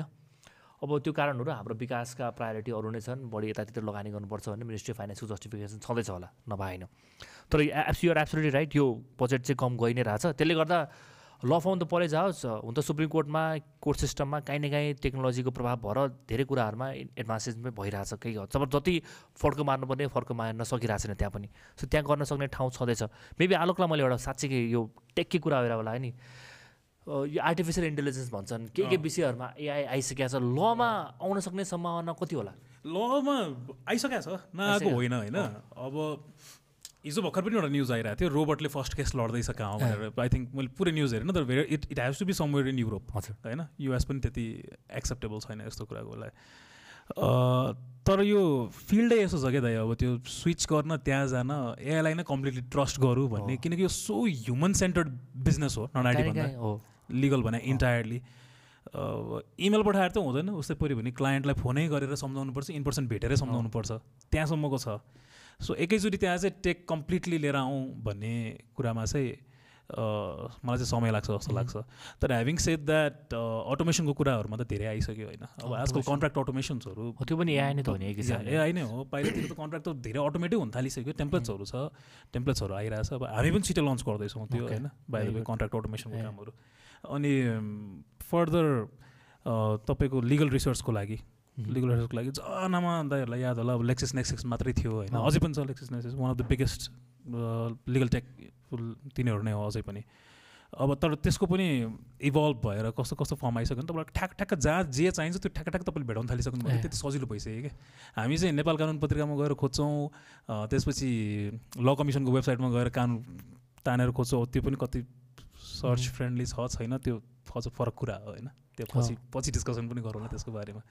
अनि स्पेसली यो कन्ट्र्याक्ट्सहरूको साइडमा चाहिँ धेरै फड्को मारेको छ।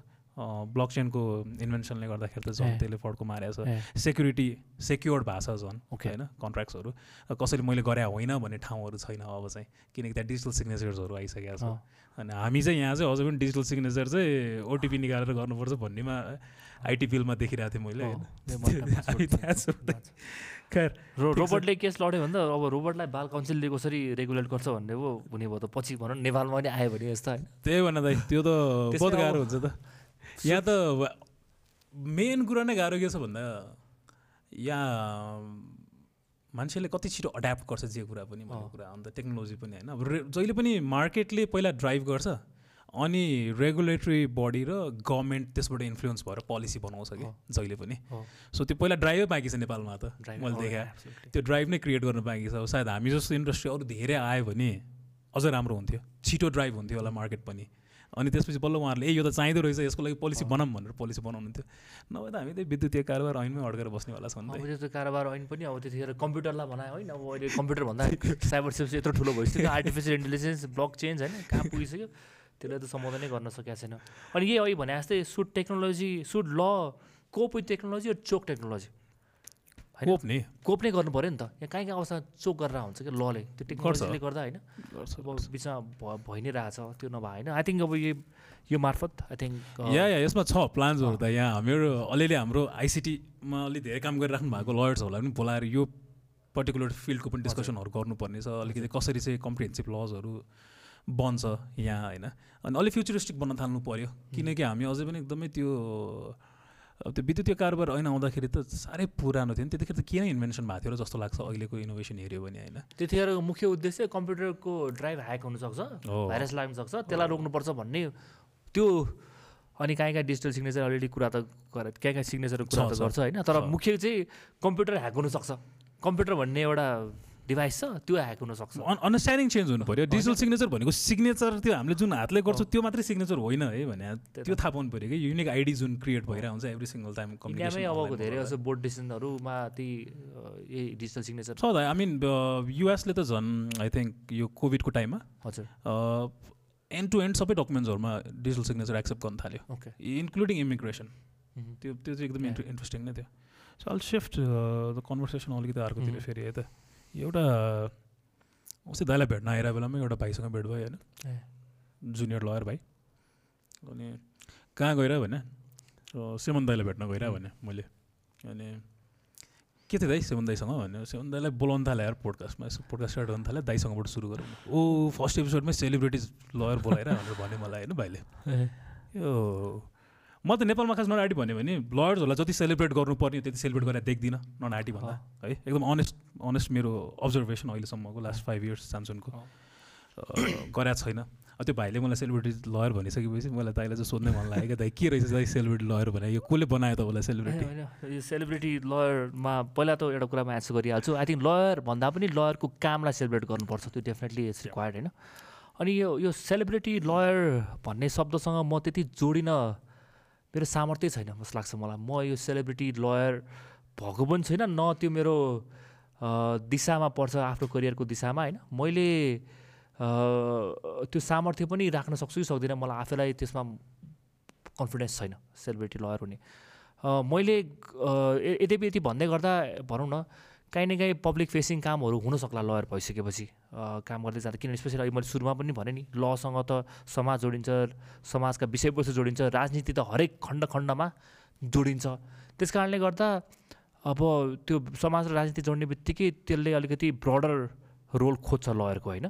त्यो लोयर लयरको त्यो ब्रडर रोल खोजे खोजेको अवस्थामा काहीँ न काहीँ त्यो लयर भएपछि बाहिर पब्लिकमा आउँदा आउनुपर्ने अवस्था आउँछ। र त्यो भनेको सेलिब्रिटी हुनुपर्ने खालको खण्डमा आउन सक्दैन। त्यो मैले के गरी त्यसरी भूमिका खोज खोजेको अवस्थामा मैले केही योगदान गर्न सक्यो भने त्यो योगदानलाई मान्यता दिनु ठिकै हो।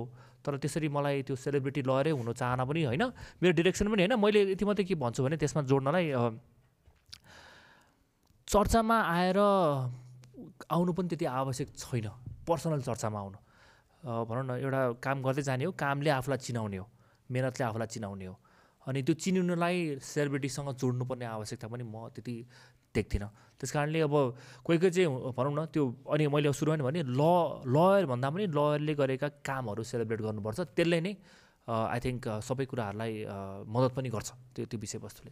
यो आई थिङ्क यो तपाईँको केसमा चाहिँ हजुर। सेलिब्रिटी भनेर भन्नेको भनौँ न सुनिने। हजुर। चाहिँ मेबी यो आई थिङ्क यो एमसिसी पछिको कुरा हो कि जस्तो लाग्छ कि मलाई। कहिलेकाहीँ चाहिँ। किनकि त्यो टाइममा तपाईँलाई अलिक धेरै मिडियाले टार्गेट गर्यो भनौँ न मोटामोटी। तपाईँ आउनु पनि भयो भोकल हुनुभयो भनौँ न। किनकि यसको लिगल एक्सप्लेनेसन गलत भइरहेछ भनेर। तपाईँ अगाडि आइराख्नु भएको थियो होइन? सो सायद त्यसले हो कि त्यसले त्यसले बाहिर तपाईँलाई अब त्यसको पोलिटिकल साइड नजाउँ हामी। होइन? किनकि त्यो अब त्यो गफ गरेर त्यो काम पनि छैन धेरै लामो गफ नगरौँ त्यसको बारेमा धेरै डिस्कसन भइसक्यो।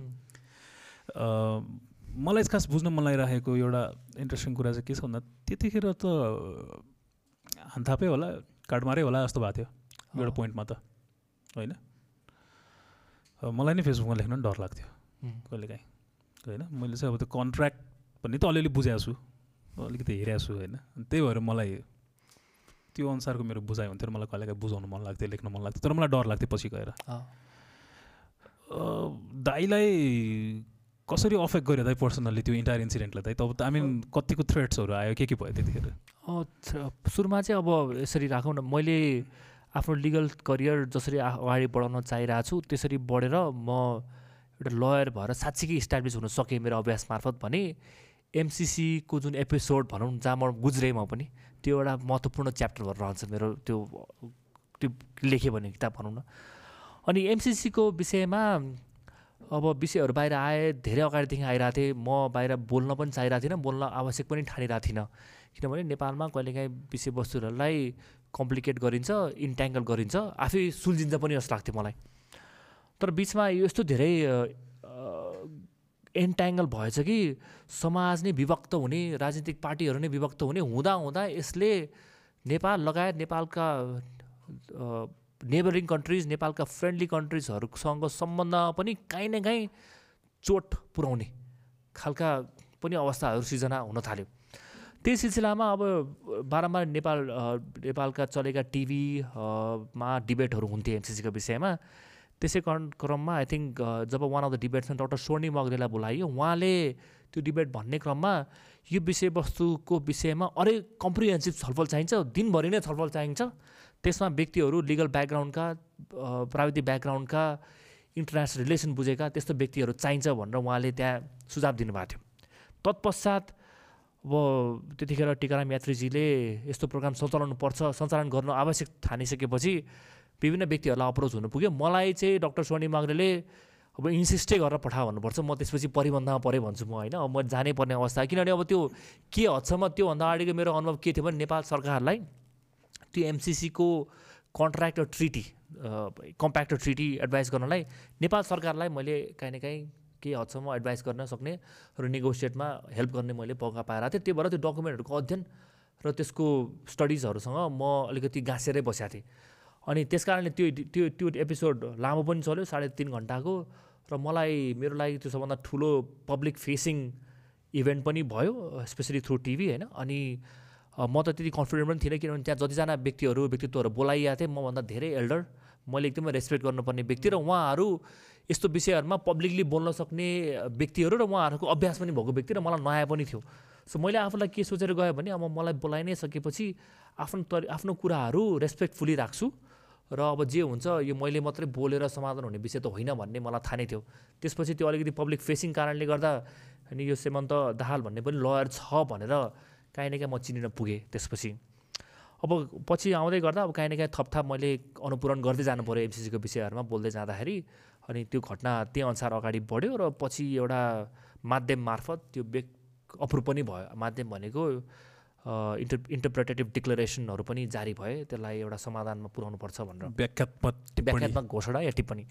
त्यो सबै त्यो सबैमा म काहीँ न काहीँ अब सामेल नै छु र मेरो लागि एउटा भनौँ न एउटा राष्ट्रिय महत्त्व र जटिलताको विषयमा काहीँ न काहीँ मैले आफूलाई इन्भल्भ गराउन पाएकोले म त्यसलाई त्यसबाट मैले अनुभव पनि हासिल गरेको छु होइन। त्यो अनुभवले मलाई आफ्नो अरू कामहरूमा मलाई अहिलेसम्म मद्दत नै गरिरहेछ अब यति हो मैले एमसिसीमा धेरै लामो यसमा अरू व्याख्या गर्न मैले त्यति आवश्यक गर्दिनँ पर्सनली ऊ गरे थ्रेट्सहरू भयो। आई threat, मिन त्यो मात्रै होइन त मेन्टल स्ट्रेस पनि त त्यो आफ्नै लेभलको हुन्छ फेरि त्यस्तो समयमा होइन? किनकि इन्टायर नेपाल नै पोलराइज भएर बसेको थियो बेला थियो। सबैजना एउटा एउटा साइड लिएर बसेको थियो। साँच्ची भन्न त बिचमा भन्ने त कोही पनि थिएन। कि ठिक हो भने ठिक होइन काटमारै गर्लान् जस्तो नै त्यो जस्तो गरिरहेको थियो। मैले त मलाई यतिसम्म डर लागेको थियो भने त्यो जब लास्ट मिनटमा अप्रुभलको लागि पार्लियामेन्टमा पेस भइसकेपछि राष्ट्र त्यो नयाँ बानेश्वरको घटनाले त म रोएको छु। त्यो हदसम्म त्यहाँ घटनाहरू घटे यतिसम्म आवश्यक हो कि होइन यो त अति नै भयो।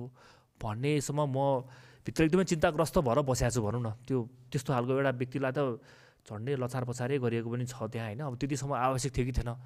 यतिसम्म गुज्रिनु पर्छ कि पर्दैन भन्ने? मलाई पर्सनल लेभलमा अब भनौँ न फिजिकली त कसैले आएर थ्रेट गरेको छैन। अब कहिले अहिले पनि सोसियल मिडियामा कहिलेकाहीँ डाइरेक्ट मेसेज कहिलेकाहीँ यतिकै मेसेजहरू। अब कहिलेकाहीँ भनौँ न कहाँसम्म जोडेर मेसेज आउँछ भन्ने कुरा त मैले पब्लिकली भन्न मिल्दैन। तर त्यो लेभलसम्म मेसेजहरू आएको थियो तर त्यति मलाई त्यसले भनौँ न त्यति मलाई त्यसले प्रभाव चाहिँ पारिरहेको थिएन किन मैले भनेको के थियो भने म एज अ लयर मैले legal advice legal advice professional legal advice legal support गर्नुपर्ने विषय रहेछ भने म आफ्नो तरिकाले त्यो सबैलाई इग्नोर गर्दै म आफ्नो तरिकाले यसलाई जे बाटोमा डोराउनु पर्ने हो त्यो बाटोमा डोराउन मैले गर्नुपर्ने लिगल सल्युसन दिनुपर्ने कुराहरूमा म क्रिएटिभ भएरै बस्छु। भन्न म सोच्दै सोच्दै बस्थेँ। त्यही त्यसै क्रममा सोच्ने क्रममा के के आइडियाजहरू आउँथ्यो त्यो आइडियाहरू सेयर गर्थेँ सिनियरहरूसँग र त्यो आइडियाले काम गर्दैन भन्यो भने ती क्लोज गर्थेँ अरू आइडिया सेयर गर्थेँ होइन। त्यसरी अनि यो त्यो अवस्थामा पुगेर राइटिफिकेसन हुनु पुग्यो। होपफुली अब आशा चाहिँ रहौँ यो अब टाइममै सुरु भएर टाइममै एन्ड भएर एउटा क्रिटिकल इन्फ्रास्ट्रक्चर नेपाललाई चाहिएको प्रसारण लाइन बन्छ र निर्माण हुन्छ। यसलाई नै जोडेर अलिकति थोरै बुझ्नको लागि सोधिहालेँ। यो बाइल्याट्रल कन्ट्र्याक्ट्सहरू त धेरै हुन्छ नि त धेरै परेमा सुनिँदैन। एमसिसीको जसरी सुनिँदैन हामीले होइन अभियसली यो बाइल्याट्रल दुई देशसँग हुने अग्रिमेन्टहरू कन्ट्र्याक्टहरू करारहरू भने कस्तो हुन्छ? एउटा प्रश्न। दोस्रो प्रश्न बुझ्न मन लागिरहेको छ त्यो करार कहिले गएर चाहिँ सन्धि भन्छ भनेर जसरी ए होइन अब सन्धिको त यस्तो छ अब मैले एकदमै लिगल व्याख्या गर्ने कि नगर्ने भन्ने प्रोग्राम मलाई आफैले लागिरहेको छ होइन? अलिकति क्याजुअल कन्भर्सेसन अब साधारणतया सन्धि हुनलाई इन्टरनेसनल लेभलमा अन्तर्राष्ट्रिय लेभलमा अब्लिगेसन क्रिएट भएको हुनुपर्छ। त्यसमा कमसेकम दुईवटा पक्ष चाहिँ राष्ट्र भएको हुनुपर्छ राष्ट्रसँग सम्बन्धित निकाय भएको हुनुपर्छ। त्यसपछि त्यो अलिकति सन्धिको त्यसले एउटा नेचर प्राप्त गर्छ। नभए भनेको अरू बायोलाटल कन्ट्र्याक्टको रूपमा रहन्छन् जसमा इन्टरनेसनल ल लागु हुँदैन। साधारण कन्ट्र्याक्ट लहरू प्राइभेट इन्टरनेसनल लहरू लागु हुन्छन्। र कन्ट्र्याक्ट सन्धि हुन्छ भन्दा पनि कन्ट्र्याक्ट कन्ट्र्याक्टै रहन्छ सन्धि सन्धि भएरै ड्राफ्ट हुन्छ। दुइटाको नेचर नै सुरुदेखि नै डिफ्रेन्ट भएर आउँछ। मानौ नेपाल गभर्मेन्टको कुनै टिम्बर कर्पोरेसन छ। त्यसको र युएस गभर्मेन्टको एउटा फर्निचर कम्पनीसँग कन्ट्र्याक्ट हुन्छ भने त्यो कन्ट्र्याक्टै हो। त्यो कन्ट्र्याक्ट हो। तर नेपाल गभर्मेन्टको एउटा निकाय मन्त्रालय हुनसक्ला। त्यो मन्त्रालयले युएसबाट आउने या चाइनाबाट आउने सामान सप्लाई गर्नलाई त्यहाँको गभर्मेन्टसँग कन्ट्र्याक्ट साइन गर्छ भने त्यो फेरि ट्रिटी हुन्छ। त्यही सामान सप्लाई गर्नलाई त्यहाँको कुनै कम्पनीसँग साइन गर्न सक्छ भने त्यो कन्ट्र्याक्ट हुनसक्छ। सो त्यस कारणले त्यो डिस्टिङसन पहिलेदेखि नै कन्ट्र्याक्ट ट्रिटी ट्रिटी कन्ट्र्याक्ट भन्दा पनि ट्रिटीलाई गभर्न गर्ने कानुन छुट्टै छ। त्यो अनुसार ट्रिटीको परिभाषा हुन्छ कन्ट्र्याक्टलाई गभर्न गर्ने कानुन छुट्टै छ कना कन्ट्र्याक्ट त्यो अनुसार परिभाषा हुन्छ। टेक्स्टमा काहीँ कहीँ धेरै सिमिल्यारिटीहरू छ किनभने दुइटैले अब्लिगेसन राइट क्रिएट गर्छ दुइटैले शर्त बन्देजहरू राख्छ। त्यस कारणले टेक्स्टभित्र गइसकेपछि नेचर सिमिलर छ तर उनीहरूको अप्लाई हुने कानुन त्यसमा लागु हुने कानुन र त्यसले सिर्जना गर्ने दायित्व इन्टरनेसनल लेभलमा त्यो चाहिँ अलिक फरक फरक पर्छ दुइटैमा okay so G to G भयो भने बेसिकली हामी सन्धि सन्धि भन्नुपर्छ त्यसलाई। जी टु जी या इन्टरनेसनल अर्गनाइजेसन इन्भल्भ छ भने होइन? त्यही त्यही अघि दाइले पनि अलिकति उठाइसकेको कुरा त्यो व्याख्यात्मक टिप्पणीको कुरा आयो होइन? व्याख्यात्मक टिप्पणी त दाइले ड्राफ्ट गरे हो भन्ने पनि खुब हल्ला चलाएको थियो एउटा। अनि मैले त्यसलाई जोड्नु खोज्दैछु दाइ काहीँ लगेर यसलाई हेर्नु है। हजुर। सरकार त्यतिखेर कङ्ग्रेसको थियो। हजुर। होइन? अब मिलिजुली थियो जस लिडरसिपमा कङ्ग्रेस थियो। अनि त्यही भएर कङ्ग्रेस भएको कारणले गर्दाखेरि सेमन्त दाईले चाहिँ ड्राफ्ट गर्नु पाएको हो। यो सेमन्त दाहाल भने चाहिँ कङ्ग्रेसी लयर हो। अनि फेरि अस्ति होइन दाइ इलेक्सनको टाइममा तपाईँले फेरि गगन थापालाई पनि प्रमोट चाहिँ गर्नुभएको थियो होइन? एउटा फोटो ट्विटरमा हजुरले हाल्नुभएको थियो। यसो लफर्मको लफर्ममा गगन दाईलाई भेट्या ऊ गरे भन्ने एउटा थियो होइन त के हो त यसको सत्यता चाहिँ? अब एउटा त्यो त्यो गगन दाईले गगन दाईको जुन फोटो मैले ट्विटरमा पोस्ट गरेँ गगन थापाको महामन्त्री नेपाली कङ्ग्रेसको उहाँ चाहिँ अब एउटा म त्यही क्षेत्रको बासिन्दा जहाँबाट उहाँ चुनाव उहाँको चुनाव क्षेत्र हो त्यो क्षेत्रको बासिन्दा र त्यही चुनाव क्षेत्रमा म मतदाता पनि। अनि उहाँले त्यो क्षेत्रमा मतदाताको रूपमा मैले आफूलाई भोट हाल्न सक्ने व्यक्ति भनेर र जो उठ्नु भएको छ मेरो प्रतिनिधि हुन्छु भनेर चुनावमा संसदमा। मैले उहाँलाई नै त्यो त्यो त्यो सामर्थ्यको पाएँ। त्यस कारणले मेरो अफिसमा हाम्रो टोलमा भनौँ न अफिसमा त्यो मेरो टोलमा भेट्न आएको बेला म त अफिसमा थिँदा पनि थिइनँ खास त्यो त्यो समयमा अनि उहाँ टोलमा भेट्न आएको बेला त्यो वार्डमा उहाँको त्यो वाकहरू हुँदाखेरि मेरो अफिस पनि प्रवेश गर्नुभएछ र माथि अलिकति डिस्कस गर्नुभएको रहेछ। त्यो फोटो मलाई प्राप्त भयो। मैले त्यही भएर अब मेरो क्षेत्रको लागि मैले भोट माग्नलाई उहाँ जत्तिकै अरू पनि क्यान्डिडेट थियो होला तर मेरो लागि तुलनात्मक रूपमा उहाँ ठिक हुनुहुन्छ भनेर मैले त्यो पोस्ट गरेँ। त्यस कारणले मलाई त्यो कङ्ग्रेसी त्यही कारणले मात्रै भन्न चाहिँ मिल्दैन। त्यसबाहेक यो होइन त्यो नेपाली कङ्ग्रेसको गभर्मेन्ट हुँदाखेरि एमसिसीको त्यो रेटिफिकेसन प्रोसेसमा म इन्भल्भ भए भयो भन्दाखेरि त्योभन्दा अगाडि नै म एन्टायरली नेपाल गभर्मेन्टलाई यो विषयमा अरू गभर्मेन्ट अरू राजनीतिक पार्टीको गभर्मेन्ट हुँदा पनि म संलग्न भएर नेपाल सरकारसँगै काम गरिरहेको छु। पहिले म भनौँ एमसिसीसँग होइन नेपाल सरकारसँगै नेपाल सरकारकै निकायहरूसँग काम गरिरहेको छु। अनि त्यस सन्दर्भमा त्यतिखेर त्यो मोमेन्टमा एमसिसीलाई रेटिफाई गर्नुपर्छ भनेर राजनीतिक दलहरू र गभर्मेन्ट अलिकति बढी प्रोएक्टिभली काम गरेको अवस्थामा संसदमा पुऱ्याउने पुऱ्याइसकेपछि अब यसलाई त समाधान उन्मुख देखिँदैन त त्यहाँ। सबै यति जटिल छ नयाँ मानिसहरू काण्ड त्यो बाहेक अरू देशभरिका घटना परिघटना त्यसले त एकदमै चिन्ता बनाइरहेको थियो। अनि विभिन्न विषयहरूमा मैले त्यतिखेरका राजनीतिक लिडरसिप होला गभर्मेन्टका सिनियर ब्युरोक्राट सिनियर अफिसियललाई होला त्यहाँ यस्तो यस्तो सल्युसन हुनसक्छ भनेर मैले धेरै अगाडिदेखि नै उहाँहरूलाई एउटा भनौँ न यस बाटोहरू देखाउनलाई पथ यस्तो हुनसक्छ कि भनेर एडभाइस गरि नै रहेको थिएँ। त्यही सिलसिलामा अलिकति माननीय गगन थापाजी पनि अब रेटिफिकेसनको लागि कसरी बढाउनुपर्छ र त्यसमा एउटा सल्युसन खोज्नुपर्छ भनेर उहाँले पनि वक्तव्य दिएको देखेपछि मैले आफै उसलाई उहाँलाई पर्सनली अप्रोच पनि गरेँ। अब गगन दाई यस्तो पनि हुनसक्छ एउटा बाटो यो इन्टरनेसनली इन्टरनेसनल लमा अन्तर्राष्ट्रिय कानुनले चिनेको व्याख्यात्मक घोषणा अमेरिकाले पनि प्र्याक्टिस गराएको छ अरू देशले पनि प्र्याक्टिस गराएको छ। नेपालले किन प्र्याक्टिस गर्न मिल्दैन? प्र्याक्टिस अभ्यास त हो नि यो सबै। अभ्यास गरेर अगाडि बढ्छ र यसले ठुलो ड्यामेज गर्दैन र ड्यामेज कन्ट्रोल गर्छ। भनौँ न यहाँ त मुख्य उद्देश्य ड्यामेज कन्ट्रोल पनि थियो। ड्यामेज कन्ट्रोल गर्छ भने यो बाटो पनि हुनसक्छ भनेपछि गगनदाईलाई भन्दाखेरि गगनदाई कन्भिन्स पनि हुनुभयो। त्यसपछि त्योभन्दा अगाडि पनि मैले अघि भने नि राजनीतिक लिडरसिपलाई पनि नभनेको कुरा थिएन। सिनियर ब्युरोक्राट्सहरूलाई पनि भनेको कुरा हो यो। अनि गगन दाईले त्यतिखेर उहाँको अब अलिकति एक्टिभ पनि हुनुहुन्थ्यो। एक्टिभ अहिले पनि हुनुहुन्छ। अनि त्यो सबै राजनीतिक पार्टीहरू डिप्लोमे डिप्लोमेटिकली सबैलाई एउटा बाट एउटा ठाउँमा लिएर आएर उहाँले त्यसलाई एकजुट गराएर त्यतिखेर अनि हामीलाई साथ दिनलाई ठुलो साथ पाएँ हामीले। अहिले पछि कानुन मन्त्री पनि हुनुभयो गोविन्द बन्दीजी। उहाँसँग पनि हामी क्लोजली काम गऱ्यौँ होइन? उहाँले पनि त्यसलाई इम्प्रुभ गर्ने ड्राफ्टमा इनपुट्स दिने ड्राफ्ट यस्तो हुनसक्छ भनेर सल्युसन दिने र स्पेसली लिडरसिपहरूलाई कन्भिन्स गराउने। मा पनि उहाँको ठुलो भूमिका रह्यो। अनि यो सबै एकजनाको एफर्टले मात्रै होइन। त्यतिखेर अब म नाम चाहिँ ब्युरोक्रेसीहरू सबैको नाम लिन सक्दिनँ। सबै ब्युरोक्रेटिक सिनियर ब्युरोक्रेट सिनियर ब्युरोक्रेसीका सचिवजीहरू सहसचिवजीहरू सबैले यसमा कन्ट्रिब्युट गर्नुभएको छ। मेरो मात्रै ड्राफ्ट चाहिँ हुँदै होइन त्यो। सबैको कन्ट्रिब्युसनबाट एउटा टिम भएर काम गरेर सबैले आफ्नो तरिकाले यसलाई सल्युसनमा लानुपर्छ भनेर उद्देश्यका साथ काम गरेकोले यो त्यो टुङ्गोमा पुगेर एउटा अब त्यसको एउटा पक्ष भनेको रेटिफाई भयो। रेटिफाई भइसकेपछि प्रसारण लाइन बन्छ भन्ने आशाका साथ त्यसमा हामीले काम गर्नुपर्नेछ अब। त्यो गभर्मेन्टसँग काम गरे कुरा त आई थिङ्क अरू गभर्मेन्टसँग नै काम गरेको कुरा चाहिँ छ। किनकि सामन्त दाईको बारेमा यसो खोज्यो भने भेटिने इन्ट्रेस्टिङ कुराहरू मध्येको। एउटा अर्को दाईले एकदम धेरै प्र्याक्टिस गरिराख्नु भएको फिल्ड नै भनौँ। कानुनमा धेरै गफ हुँदैन यसको बारेमा।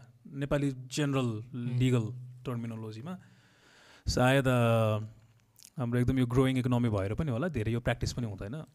भएको छैन भनौँ। बिजनेसेसहरूमा विशेष गरेर आर्बिट्रेसन मेडिएसन होइन?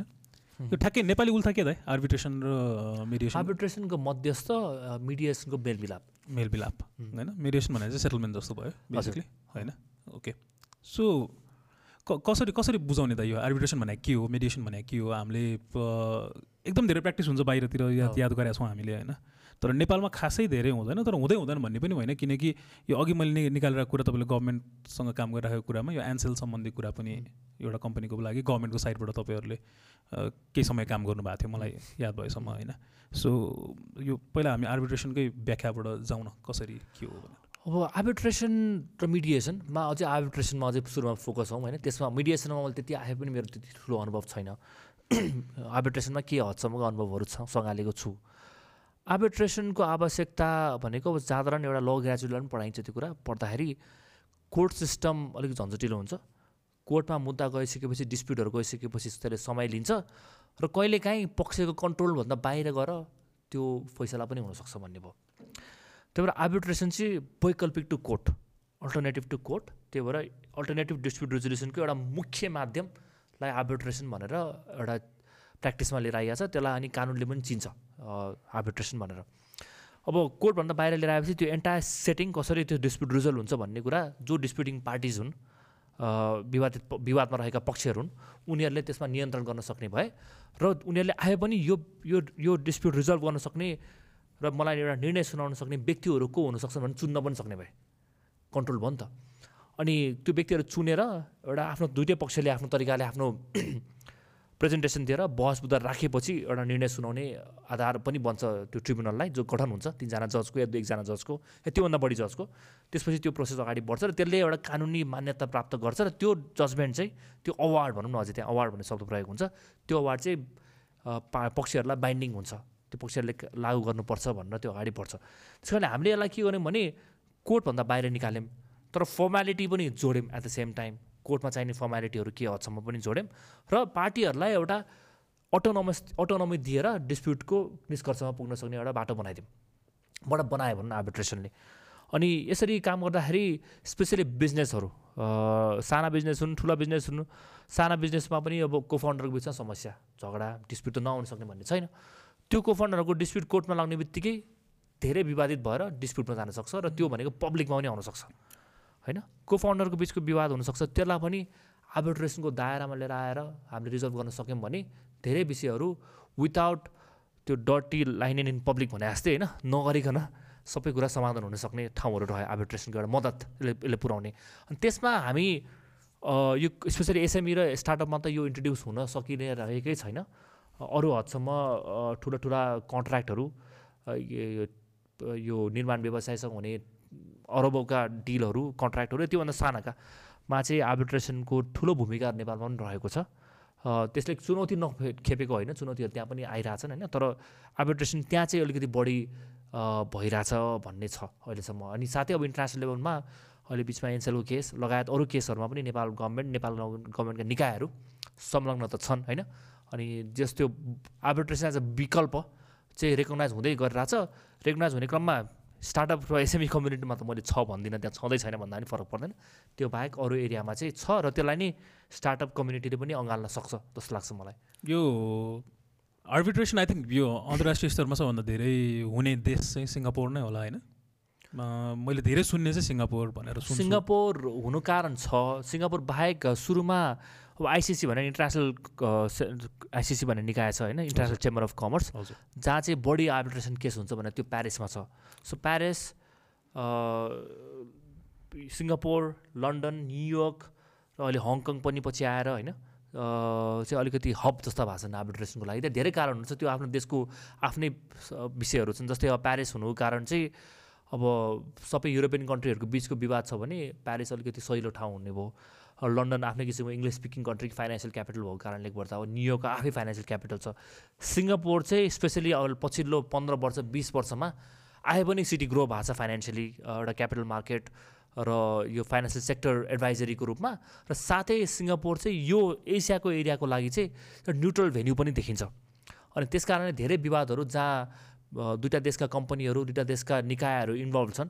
त्यसलाई न्युट्रल भेन्यू खोज्दै गर्दा सिङ्गापुर मा अब उनीहरूको जुरिस्टिक्सन पनि अलिक इभल्भ छ विकसित छ।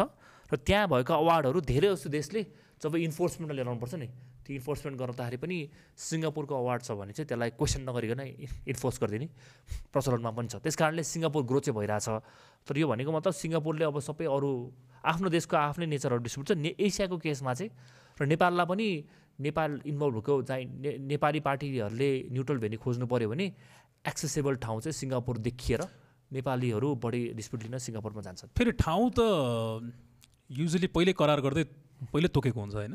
सिङ्गापुरै भन्नुपर्छ त्यहाँ लेख्दाखेरि। सिङ्गापुरमा गर्ने भए गर्ने भए होइन र गर्न त जहाँ पनि पाइयो फेरि होइन त? यो ठाउँ भनेर यदि दुइटा पार्टी मान्छ अझ तिनवटा पार्टी कन्ट्राक्ट छ भने तिनवटा पार्टी भयो दुइटा पार्टी छ यस्तो यस्तो पनि हुनसक्छ भनौँ न। पहिला त सिङ्गापुरमा गरेको छ भने सिङ्गापुरलाई चेन्ज गरेर हामी अर्को ठाउँमा गर्छौँ भन्न पनि पाइयो। दुइटा अर्को करार गर्नु पऱ्यो अर्को करार अमेन्डमेन्ट गर्नु पऱ्यो एउटा छँदैछ होइन? अर्को भनेको एउटा सिटको कन्सेप्ट हुन्छ एउटा प्लेसको कन्सेप्ट हुन्छ फेरि होइन? सिङ्गापुर सिट चाहिँ आर्बिट्रेसनको सिट हुनसक्छ। भनेको त्यहाँनिरको सुपरभाइजरी जुरिस्टिक्सन के हदसम्म सिङ्गापुरको कोर्टले एक्सर्साइज गर्न सक्ने या के के हदसम्म सिङ्गापुरको लहरू लागु हुन सक्ने भयो भने त्यो सिट तर त्यो हुँदै गर्दा सिङ्गापुरको सिट बनाउँदै पनि हामीले फेरि साँच्चीकै हियरिङ या प्लेस चाहिँ अर्को ठाउँमा राख्न सक्छौँ। त्यो काठमाडौँ पनि हुनसक्ला त्यो बेजिङ पनि हुनसक्ला नसक्ने चाहिँ होइन। तर त्यसको त्यो एङ्कर गर्ने सिट चाहिँ फेरि सिङ्गापुरै रहन्छ त्यो अवस्थामा। त्यसरी अगाडि बढ्छ। यो एन्सेलको केसमा पनि अब म दाइलाई धेरै डिटेल्सहरू सेयर गर्नुहोस् भन्दिनँ अभियसली होइन? किनकि कति कुराहरू हुन्छ युआर बााउन्ड बाई इट होइन? त्यो सेयर गर्न मिल्ने कुरा चाहिँ के छ त्यो आर्बिट्रेसनको केसको हामीले गभर्मेन्टको साइडबाट जाँदाखेरि अब यो एनसेलको केसमा त्यति धेरै हामी संलग्न हुन त पाएन। अब त्यतिखेर जब यो डिस्प्युट त ठुलै डिस्प्युट छ अब नेपाल गभर्मेन्टको लागि भनौँ न उसले नेपाल गभर्मेन्टले एउटा इन्टरनेसनल कम्पनीलाई बाहिर एउटा जुरिस्टिक्सनमा फेस गर्नुपर्नेछ। As a defendant as a respondent होइन? अनि क्लेम फाइल भइसकेपछि ला लम्बा लामो समय विलम्ब भएपछि धेरै अगाडि बढिरहेको थिएन केस। अनि नेपाल गभर्मेन्टले त हामी त्यो बाहिर कसरी बढ्नेमा अलिकति बाटो पनि समाउन सकिरहेको थिएन। त्यही सिलसिलामा अब त्यतिखेर कानुन मन्त्रालय मार्फत पहिला अपूर्व कतिवटा उहाँ पनि एकदम एक्सपर्ट लयर र मलाई उहाँलाई सपोर्ट गर्ने हिसाबले अलिकति सपोर्ट गर् नेपाल गभर्मेन्टलाई यसमा कहाँ गर्न सकिन्छ त्यो केसमा के गर्न सकिन्छ भनेर सुरुमा हामीलाई पनि संलग्न गराएको हो। हामीले आफ्नो तरिकाले त्यो केसलाई कसरी ट्र्याकमा ल्याउन सकिन्छ भनेर ट्र्याकमा ल्याउनलाई आफ्नो तरिकाले मद्दत पनि गऱ्यौँ। केही ओपिनियन केही रिपोर्ट केही भनौँ न करस्पोन्डेन्सहरू गर्नलाई पनि हामीले मद्दत गऱ्यौँ। र केस अहिले अब लाग्छ अवार्डको स्टेजमा पुगेको छ। तत्पश्चात हाम्रो रोल घट्दै गयो किनभने त्यो त्यो त्यो विषयमा त्यति जटिलताको विषय इन्टरनेसनल लको लागु हुने विषयमा नेपाल क्वालिफाइड लयरको मात्रै एक्सपर्टिजले पुग्दैन भनिसकेपछि international law firm internationally renowned Nepali काउन्सिल्सहरू professor Suresh Subedi पनि इन्भल्भ हुनुहुन्छ जस्तो लाग्छ मलाई। उहाँहरू पनि संलग्न भएर नेपाल गभर्मेन्टलाई कति स्ट्रङली डिफेन्ड गर्न सकिन्छ भनेर हेर्दै हुनुहुन्छ। त्यो केस अब आफ्नो तरिकाले अगाडि बढ्ला र त्यसले पनि स्पेसली अब अब केही मद्दत केही मौका पाएर अपूर्व कतिवटाजीसँग कुरा हुन पायो भने उहाँलाई पनि सोद्धा हुन्छ। हामी दुइटालाई पनि एउटा सिक्ने बुझ्ने र लर्निङ एक्सपिरियन्स लर्निङ कप भन्छ नि। लर्निङ कपमा मद्दत चाहिँ पुरा छ। अपूर्व त डेफिनेटली हाम्रो लिस्टमा हुनुहुन्छ। हजुर। है त्यो त भयो गभर्मेन्टसँग गरे कामहरू। हजुर। अब गभर्मेन्टसँग जुझ्न परेका कामहरूको गफ गरौँ अब पेसा नै त्यस्तो होइन त कहिले कुन पर्छ कहिले कुन पर्छ कतापट्टि जानुपर्छ कहिले फरमा कहिले अगेन्स्टमा त्यो त नेचर नै भइहाल्यो। ठुलो कुरा भएन। दाइले अहिले सबैभन्दा धेरै काम गरेर पार्ट इन्फ्रास्ट्रक्चर भनौँ अर्को एउटा महत्त्वपूर्ण काम तपाईँले जहाँ गरिराख्नु भएको छ। विशेष गरी हाइड्रो त्यसमा पनि। दाइको त पोर्टफोलियो नै कति फोर्टी मेगावाट पुग्यो कि भने जस्तो लागेको थियो मलाई। होइन? आई मिन अब यहाँ पर्टिकुलर हामी कुनै एउटा हाइड्रोको नाम लिँदैनौँ तर मल्टिपल च्यालेन्जेसहरू त आइराखेको छ। विशेष गरी यो पिपिपी मोडलको कुरा गर्दा ठुलो इन्भेस्टमेन्ट नेपालमा लिएर आउँदा हाइड्रोको लागि। यहाँ संसदमा लिएर जानुपर्ने कुराहरूदेखि लिएर मल्टिपल कुराहरू आइरहेछन् कतिवटा मुद्दाहरू सर्वोच्चमा चलिरहेका छन्। त्यस कारणले पनि त्यो सर्वोच्चमा चलिरहेको मुद्दालाई हामी टच नगरिकन एउटा ओभरअल चाहिँ हामी अहिले इन्फ्रास्ट्रक्चरमा हामीले देखिरहेको यो प्रब्लम चाहिँ कहाँनिर छ त? यो कतिवटा प्रोजेक्टहरू राम्रो राम्रो राष्ट्र गौरवको आयोजनाहरू अगाडि बढ्न सकेका छैन। यसमा अलिकति पिपिपी साइडबाट म कुरा सुरु गर्छु होला आलोक होइन? अब पिपिपी साइडमा कुरा गर्दाखेरि इन्फ्रास्ट्रक्चरमा सरकारी स्रोत सरकारले जुटाउने स्रोतको रकमबाट मात्रै ठुला पूर्वाधारको परियोजना सम्भव हुँदैन भन्ने प्रिन्सिपल हामीले सम हामीले बुझिसकेका छौँ। सरकारले पनि बुझेको छ त्यो। त्यस कारणले सरकारी स्रोतबाट पैसा जुट्दैन भने पैसा जुडाउ जुटाउने पैसा लगानी गर्ने को हो भन्दा सरकारको अल्टरनेटिभ प्राइभेट सेक्टर होइन? त्यस कारणले प्राइभेट सेक्टरकै प्राइभेट सेक्टरलाई लगानी जुटाउन ला लगाएर ठुला पूर्वाधारको परियोजना बनाउन सम्भव छ भन्न अरू उदाहरण देखिसकेपछि नेपाल पनि त्यो बाटोमा जाँदैछ। त्यो जाने क्रममा नेपालले सबभन्दा छिटो छरितो त्यसलाई अगाडि बढाउन सकेको पूर्वाधारमा जलविद्युतका परियोजनाहरू रहे। अब त्यो नाइन्टिजकोदेखिको अभ्यास त्यसपछि आएर भनौँ न पछि आएर अप्पर कर्णाली अरुण थ्रीका पिडिए प्रोजेक्ट डेभलपमेन्ट अग्रिमेन्ट जुन चाहिँ massive investment two billion three बिलियनसम्मको इन्भेस्टमेन्टको कुरा छ युएसटी। त्यो लिएर आउनलाई चाहिने अग्रिमेन्टहरू जुन चाहिँ जुन अग्रिमेन्ट देश देखेपछि जसले लगानी गर्दैछु गर्दैछु भन्छ स्पोन्सर होस् या लेन्डर। होइन यतिको अग्रिमेन्ट नेपाल गभर्मेन्टले साइन गरिदिएको छ। हामी लगानी गर्न कन्फिडेन्स छ भन्ने खालको अग्रिमेन्ट बनाउनु पऱ्यो नि त। त्यो हदसम्मका। त्यो अग्रिमेन्टहरू बनिसकेपछि भइरहेछन्। जलविद्युतमा केही इस्टाब्लिस प्र्याक्टिस भएर हामीले जलविद्युतको विषयमा काहीँ न काहीँ ठुलो लिप नै लिइसके जस्तो लाग्छ मलाई। नेपालको not only for Nepal Nepal आए पनि infrastructure PPP for hydro case study हो। अरू देशले सिक्नुपर्ने छ नेपालबाट धेरै। इन्डियाले पनि बरु हाइड्रोमा त्यस्तो पिपिपी गर्न सकेको छैन। हो इन्डिया नै सबभन्दा नजिक इक्जाम्पलमा अरू एरियामा सोलरमा गर्न सकेको छ हाइड्रोमा सकेको छैन इन्डियाले पनि। त्यस कारणले ने नेपालले ठुलो फड्को ठुलो लिप ल्याएको छ त्यहाँ। त्यसमै अब तर मैले हाइड्रो बाहेक अरू इन्फ्रास्ट्रक्चरमा कहाँ भन्दाखेरि भेटिँदैन।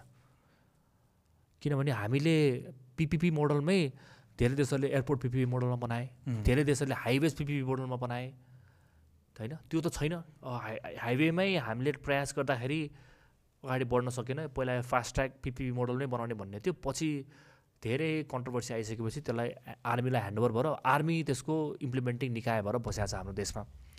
आर्मी नै हुनुपर्छ कि पर्दैन फेरि त्यो ठुलो छलफलको विषय होला आज त्यसमा प्रवेश नगरौँ। एयरपोर्टमा पनि अहिले दुईवटा नयाँ दुईवटा इन्टरनेसनल एयरपोर्टहरू बने। त्यो इन्टरनेसनल एयरपोर्ट बन्दाखेरि यदि त्यसमा प्राइभेट फाइनेन्सिङ सम्भव थियो भने त त्यो नै गर्नु पर्थ्यो होइन? किन प्राइभेट फाइनेन्सिङ गर्ने बित्तिकै गभर्मेन्टको ब्यालेन्स सिट एक्सपोज हुँदैन। गभर्मेन्टले कहीँबाट पनि पैसा तिर्नुपर्ने अवस्था आउँदैन। प्राइभेट सेक्टरकै टोटल फाइनेन्सिङ भयो नि त त्यो त। होइन? अब यो नहुनुको कारण चाहिँ मेबी एउटा एक दुईवटा अब पिपिपीमा अरू परियोजनाहरू नबढ्न सक्नुको कारण एउटा मुख्य गरी प्राइभेट सेक्टरले त्यो एरियामा फाइनेन्सिङ जुटाएर रिटर्न पाउन सक्ने ठाउँ नदेखेर पनि हो कि? होइन? मुख्य कुरा चाहिँ। अरू कारण भन्दा पोलिसी नीतिगत विषय भन्दा पनि साँच्चीकै त्यो परियोजनामा रिटर्न आउँछ कि आउँदैन भन्ने पनि त होला नि त। त्यही भएर होला मुख्य रूपमा। त्यसबाहेक अब सरकारले पनि त्यो कुनै परियोजनालाई प्राइभेट सेक्टरले फाइनेन्सिङ जुटाएर रिटर्न आउने गरी बनाइदिएको छैन सरकारको पक्षबाट। त्यो पनि हेर्नुपर्ने छ दुइटैमा अलिकति काम गर्न सक्यौँ भने पर्याप्स हामीलाई जहाँ फन्डको अभाव भइरहेछ इन्फ्रास्ट्रक्चरमा लगानी गर्नलाई त्यो प्राइभेट सेक्टरबाट जुट्ने सक्ने सम्भावना चाहिँ रहन्छ। यो दुइटै सरकारी संयन्त्रले पनि यस्तो एउटा प्रोजेक्ट क्रिएट गर्नु पऱ्यो कि त्यहाँ प्राइभेट सेक्टर आउन सक्छ प्राइभेट सेक्टरलाई पनि त्यो रिटर्न आउन सक्ने बनाइदिनु पऱ्यो त्यो भयो भने हुनसक्छ। अरू नीतिगत व्यवस्था भनेको सानातिना ठुला केही केही सानातिना केही ठुला होला तर त्यो महत्त्वपूर्ण होइन रिटर्न आउने खालको परियोजना चाहियो। फेरि यसलाई संसदमा लाने भन्ने कुरा चाहिँ के हो संसद त त्यो अब I think Alok last last विकको मेबी यो न्युजबाट आएको कारणले गर्दा आइरहेछ होला होइन। अब यो चाहिँ कर्णालीको अप्पर कर्णाली नौ सय मेगावाटको जहाँ चाहिँ जिएमआर ग्रुपलाई प्रतिस्पर्धा मार्फत दिएको परियोजना थियो to export to power to export market including India and Bangladesh होइन। त्यो सिलसिलामा एउटा कम्प्रिहेन्सिभ प्रोजेक्ट डेभलपमेन्ट अग्रिमेन्ट गभर्मेन्टको तर्फबाट नेगोसिएट भएर साइन भयो। अब त्यो अग्रिमेन्ट लेख्नलाई काहीँ काहीँ कन्ट्रिब्युट गर्नलाई ड्राफ्टिङ फेजमा म नेगोसिएसन फेजमा मेरो फर्म इन्भल्भ नै थियो हामी। अनि त्यो अग्रिमेन्ट चाहिँ अब कुन नेचरको अग्रिमेन्ट हो त? भन्ने विषयमा सुप्रिम कोर्टमा बारम्बार केसहरू परि नै रहेछन् र सुप्रिम कोर्टले आफ्नो तरिकाले पहिला पनि इन्टरप्रेट गरि नै रहेको थियो। र पछिल्लो समयमा चाहिँ अस्ति बेन्चबाट के आदेश भएको छ भने यो विषय चाहिँ अब होइन संवैधानिक इजलास। यसमा केही न केही कन्स्टिट्युसनल इस्युज छ। किनभने अब संविधानको धाराअनुसार यो अग्रिमेन्ट चाहिँ पार्लियामेन्टले राटिफाई खोज्छ भन्ने हो कि होइन मा सुप्रिम कोर्टले नै व्याख्या गर्नु पर्दैन किन? Supreme court is the final arbiter of the constitution त्यस कारणले त्यहाँ पुगेको छ अब त्यसको एक किसिमको निष्कर्ष त आउला। तर हामीले प्राइभेट सेक्टरमा सँग हुने यस्ता अग्रिमेन्टहरूलाई पार्लियामेन्टको एम्बिटमा ल्याउनु पर्छ कि पर्दैन भन्ने कुरामा चाहिँ अलिकति अलिकति स्टेप ब्याक गरेर सोच्नु चाहिँ पर्छ। अब त्यो सुप्रिम कोर्टको फैसला त एक हिसाबले आउला नै। यो नेपालमा एफडिआई नै किन गर्ने हुने क्या? अलिकति अलिकति मैले भने अलिक नेगेटिभ सुन्ला सुन्न त होइन। नेगेटिभ नेगेटिभ सुनाउनु खोजेको होइन। मैले भन्न खोजिरहेको चाहिँ यो इन्भेस्टमेन्टको वातावरण कस्तो छ हामीलाई थाहा नै छ। काम कसरी भइरहेछ। जसरी यहाँ फेरि कोर्ट कचेरामा पुगिसक्यो होइन त राम्रो इन्भेस्टमेन्ट आउनु थाल्यो प्रोजेक्टमा पनि। अनि फेरि इन्भेस्टर हो नि त ग्रान्ड होइन नि त इन्भेस्टमेन्ट हो। त्यो भनेको त रिटर्न खोज्या हुन्छ आरओआई चाहिन्छ त्यसमा त होइन? रिटर्न अफ इन्भेस्टमेन्ट हुनुपर्छ। सेक्युरिटी पनि चाहियो। सेक्युरिटी पनि चाहियो। मेरो सेक म यो यसबाट मैले हालिसकेपछि यसबाट मेरो पैसा आउँछ भनेर हाल्ने फेरि यो लेभलको पैसा भने त फेरि तपाईँको त्यसरी हाल्ने। यो त एन्जल इन्भेस्टमेन्ट गरे जस्तो सानो सानो रकम फाले जस्तो होइन यो। अब पोलिसीको स्तरबाट हेऱ्यो भने लिगल लिगालिटीको ठाउँहरू यसो खोज्यो भने त खासै हामी फ्रेन्डली ठाउँ त होइन भनेर बुझ्नुपर्छ हामीले होइन। पैसा फिर्ता लान पनि गाह्रो छ फेरि यो देशबाट त। यसै पनि। तर पनि एफडिआई बढ्दो डेफिनेटली छ नेपालमा। त्यो कारण के हो? कसरी अट्र्याक्ट गर्न सकिरहेको छ जस्तो लाग्छ त यो इन्डस्ट्रीले चाहिँ अहिले इन्भेस्टर्सहरूलाई इन्भेस्टरहरूलाई एउटा त नेपाललाई फ्रन्टियर मार्केटको रूपमा हेर्छन् अनि काहीँ काहीँ चाहिँ इन्भेस्टरहरूले आफ्नो फुटप्रिन्ट बढाउन पनि नेपाल आउनु खोज्छन् होइन? त्यो छँदैछ। अब त्यो फुटप्रिन्ट बढाउने मात्रै इन्भेस्टमेन्टले चाहिँ नेपालको वैदेशिक लगानीको व्यापकता त्यसले लिँदैन लिँदैन होइन? अब त्यस कारणले त्योभन्दा एडिसनल फुटप्रिन्ट बढाउने इन्भेस्टर भन्दा पनि बियोन्ड सोच्नु पऱ्यो कि होइन? अनि त्यस त्यसमा अब केही हदसम्म हामीले नाइन्टिजमा ऐन लिएर आयौँ FITTA foreign investment technology transfer act त्यतिखेर त्यो ऐन नेपाल लगायतसँग अरू देशसँग जोड्ने भयो त्यतिखेरका अरू देशहरू इन्डिया भारत इभन भियतनाम भनौँ त्यतिखेर तुलना गर्ने भयो त्यो ऐन मोर इन्भेस्टमेन्ट फ्रेन्डली थियो।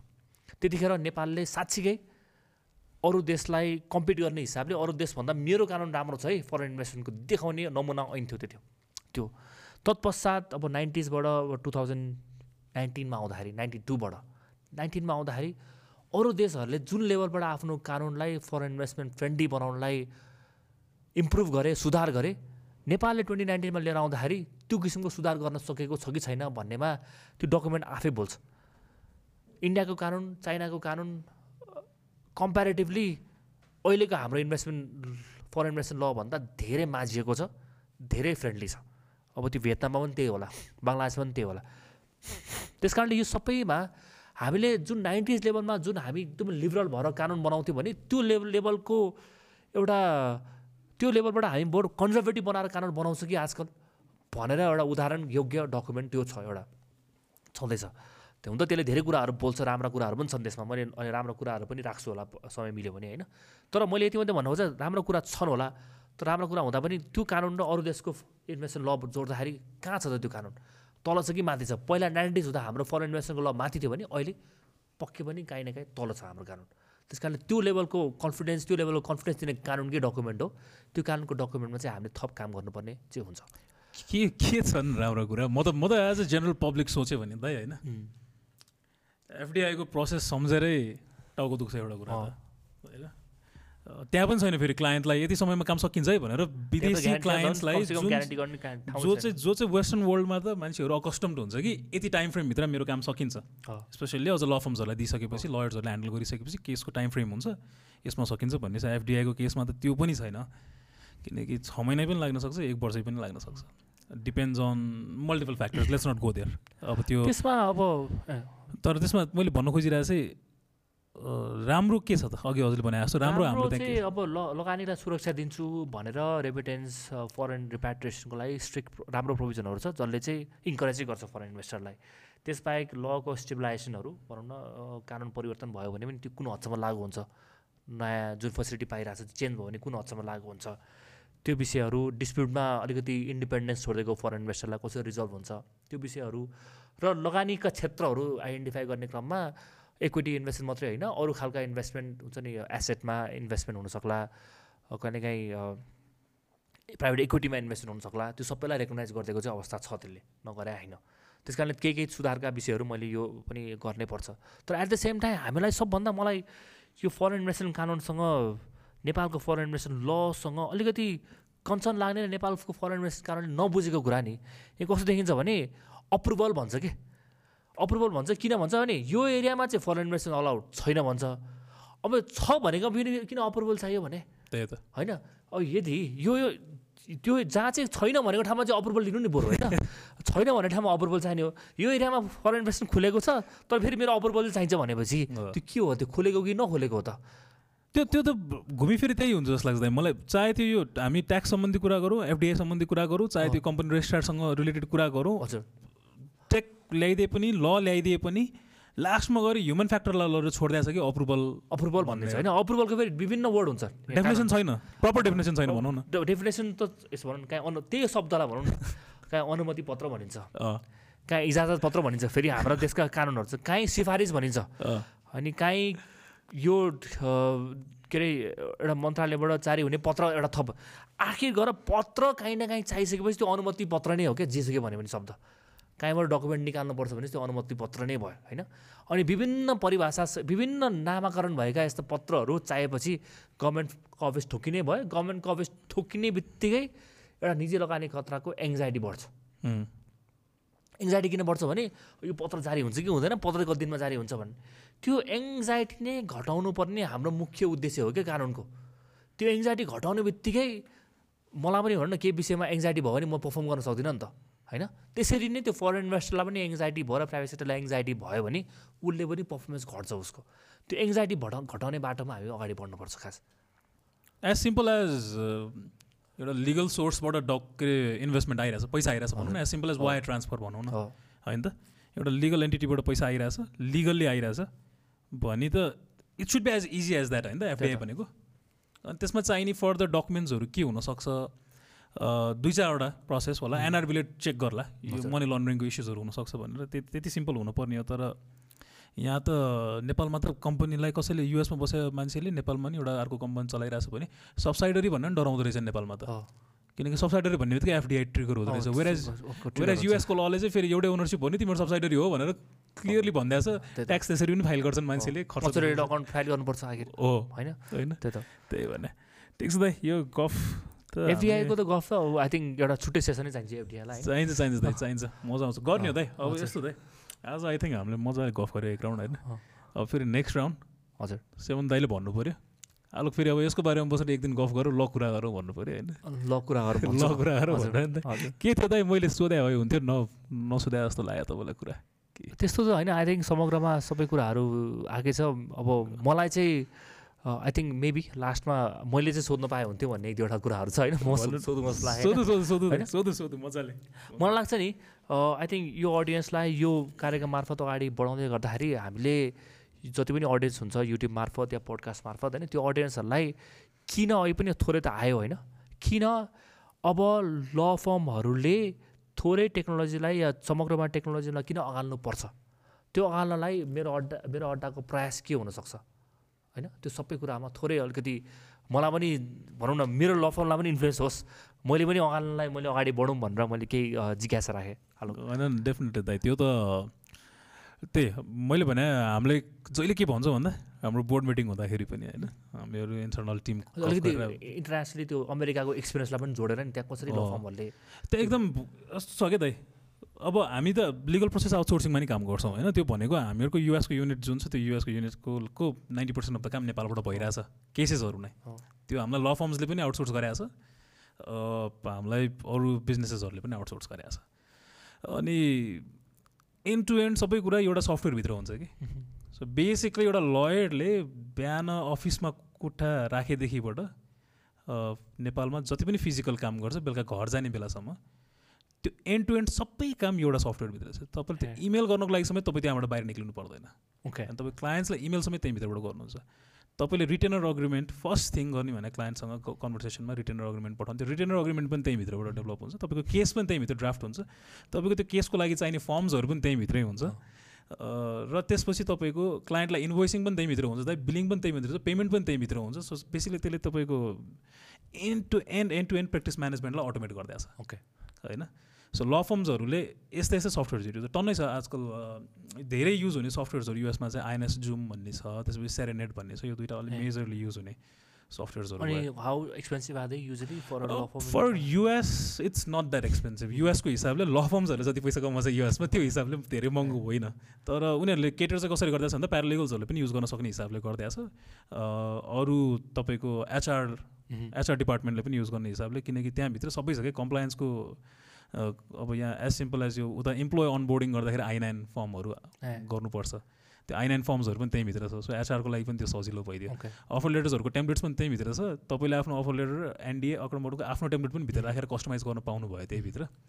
सो अहिले चाहिँ अब एकदम यो ठुलो कुरा जस्तो लाग्छ नेपालमा कुरा गरिरहँदाखेरि तर सानो सानो सानो सानो कुराहरूबाट चेन्जेसहरू हामीले ल्याउन खोजिरहेको छौँ। अहिले मेरो अड्डा पनि हामीले धेरै कुरा नगरेर थोरै थोरै कुरा किन गरिरहेको छौँ भन्दा पहिलो कुरा मार्केट नै रेडी छैन होइन?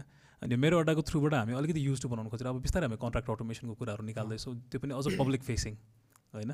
अब बिस्तारै लयर्सहरूले पनि त्यसलाई युज त गर्नुहुन्छ होला अनि गरिसकेपछि यो यति सजिलो रहेछ सो लेट्स हामी पनि युज गरेर हेरौँ यसलाई। होइन हाम्रो पनि टाइम सेभ गर्दो रहेछ यसले भन्ने होला। अथवा हाम्रो टेम्प्लेटमा कस्टमाइज गरेर देऊ नि त। हाम्रो लागि यो अटोमेसन भनेर भन्नुहुन्छ होला। सो हामीले त्यो मार्केटमा निड पनि क्रिएट गर्ने काम गरिरहेछौँ अनि ताकि एकैचोटि ठुलो कुरा दिएर मान्छेलाई अलमलाउन भन्दा थोरै थोरै थोरै थोरै दिँदाखेरि चाहिँ बेटर हुँदो रहेछ। सो आई थिङ्क यसरी जसरी तपाईँले यसरी क्वेसन रेज गरिदिनु भयो भने फेरि हामीलाई फेरि बुझाउन पनि सजिलो हुन्छ कि एकदमै कि। एक्ज्याक्टली अनि अर्को इन्ट्रेस्टिङ कुरा के हुन्छ भन्दा युएसको ल फर्म्समा देखेर होइन। युएसको ल फर्म्सले कुनै एउटा पोइन्ट अफ टाइममा three hundred four hundred maybe even thousand केसेसहरू लिन सक्छ इम्प्लोइ काउन्ट हेर्नु भने नेपालको एउटा ठुलो ल फर्म्सहरू र उनीहरूको होला। हुन त उनीहरू स्टेट स्टेटमा पनि छ ठुलो फ्रेगमेन्टहरू यिनीहरू हेर्नुभयो भने अफिसहरू एभ्री सिङ्गल स्टेटमा होला अझ सिटीमा होला फ्रेगोमेन्टको खाले ल फर्महरूको लागि त होइन। तर त्यो किन उनीहरूले त्यो लेभलको केसेसहरू लिन सक्छ भन्दाखेरि चाहिँ उनीहरूसँग टेक्नोलोजीले उनीहरूलाई हेल्प गरिरहेछ। कुनै क्लायन्टले फोन गर्यो भने यो मेरो केसमा के भइरहेछ भन्दाखेरि म तपाईँलाई पाँच मिनट दस मिनटपछि कल गर्छु भन्नु पर्दैन it's as simple as open case क्लायन्टको नाम हाल्नुहोस् कि तपाईँको फोन नम्बर हाल्नु कि इमेल हाल्नु कि तपाईँले उसको के हाल्नु राइट अवे तपाईँलाई स्ट्याटस त्यहीँ अगाडि छ तपाईँको। You can send that status right away to the client's phone होइन? Or you can just give a case status number to the client होइन? एउटा तपाईँ केसको आइडी बनाइदिनु। ऊ जान्छ अनलाइन तपाईँको वेबसाइटमा जान्छ उसले त्यो आइडी हाल्छ केस स्ट्याटस ठ्याक्क उसलाई थाहा भइहाल्यो त्यहीँभित्र होइन? End of the day service होइन। टेकले त इनेबल गर्ने मात्रै हो यो सर्भिसलाई चिठी त पहिला पनि पठाइरहेको थियो भने फेसबुक किन्छ आयो थियो र होइन। मेसेज पास गर्ने हो। मात्र यसले चाहिँ के गर्छ भन्दा एफिसियन्सी बढाउँछ। कामहरू छिटो हुन्छ छरितो हुन्छ। र आई थिङ्क अकाउन्टेबिलिटी पनि एकदमै हाई गर्छ। अब स्पेसली गभर्मेन्ट सेक्टरतिर यो आजकल त अब पहिला पहिला हामी लिगल टेक मात्रै भन्थ्यौँ। आजकल रेग टेक पनि भन्न थालिसक्यो। रेगुलेसन टेक पनि। रेगुलेसन टेकहरू पनि आउनु थालेको छ। त्यो चाहिँ more गभर्मेन्टलाई more government regu regulation regulatory अथोरिटिजहरूलाई specially help गर्ने खालको टेक्नोलोजीहरू छ। त्यसले गर्दा चाहिँ अकाउन्टेबिलिटी र एफिसियन्सी त्यहाँ पनि बढाउँछ। लाइनहरू घटाउँछ त। अनि यो छ नि अर्को अर्को एउटा लास्टमा यो as a from very IT अनि प्राविधिक ब्याकग्राउन्ड होइन पृष्ठभूमिमा लयरसँग काम जोडेर काम गर्नु मजा आउँछ। बहुत मजा आउँछ त। अँ। इन्ट्रेस्टिङ हुन्छ। Law and IT both use codes भन्छौँ क्या हामीले ओके होइन? बोथ युज कोड्स कोड्स होइन दुइटामा कोड युज हुन्छ होइन। ओके लयर्सहरूको सोच्ने तरिका क्रिएटिभिटी सुपर हाई हुन्छ। अब लकिली गर मेन्टोर लाग्दा एज होइन। अनि त्यो यतापट्टि आइटीमा पनि सोल्युसन डेभलप गर्नु परिरहेको हुन्छ किनकि प्रब्लम हुन्छ यता पनि प्रब्लम हुन्छ होइन। दुइटाले सोल्युसन निकाल्ने हो जसरी पनि होइन। त्यही लेभलको रिसर्च हुन्छ। अनि फेरि अर्को इन्ट्रेस्टिङ के हुँदो रहेछ भने दाइ अब अलि एज हुन थाल्यो होइन।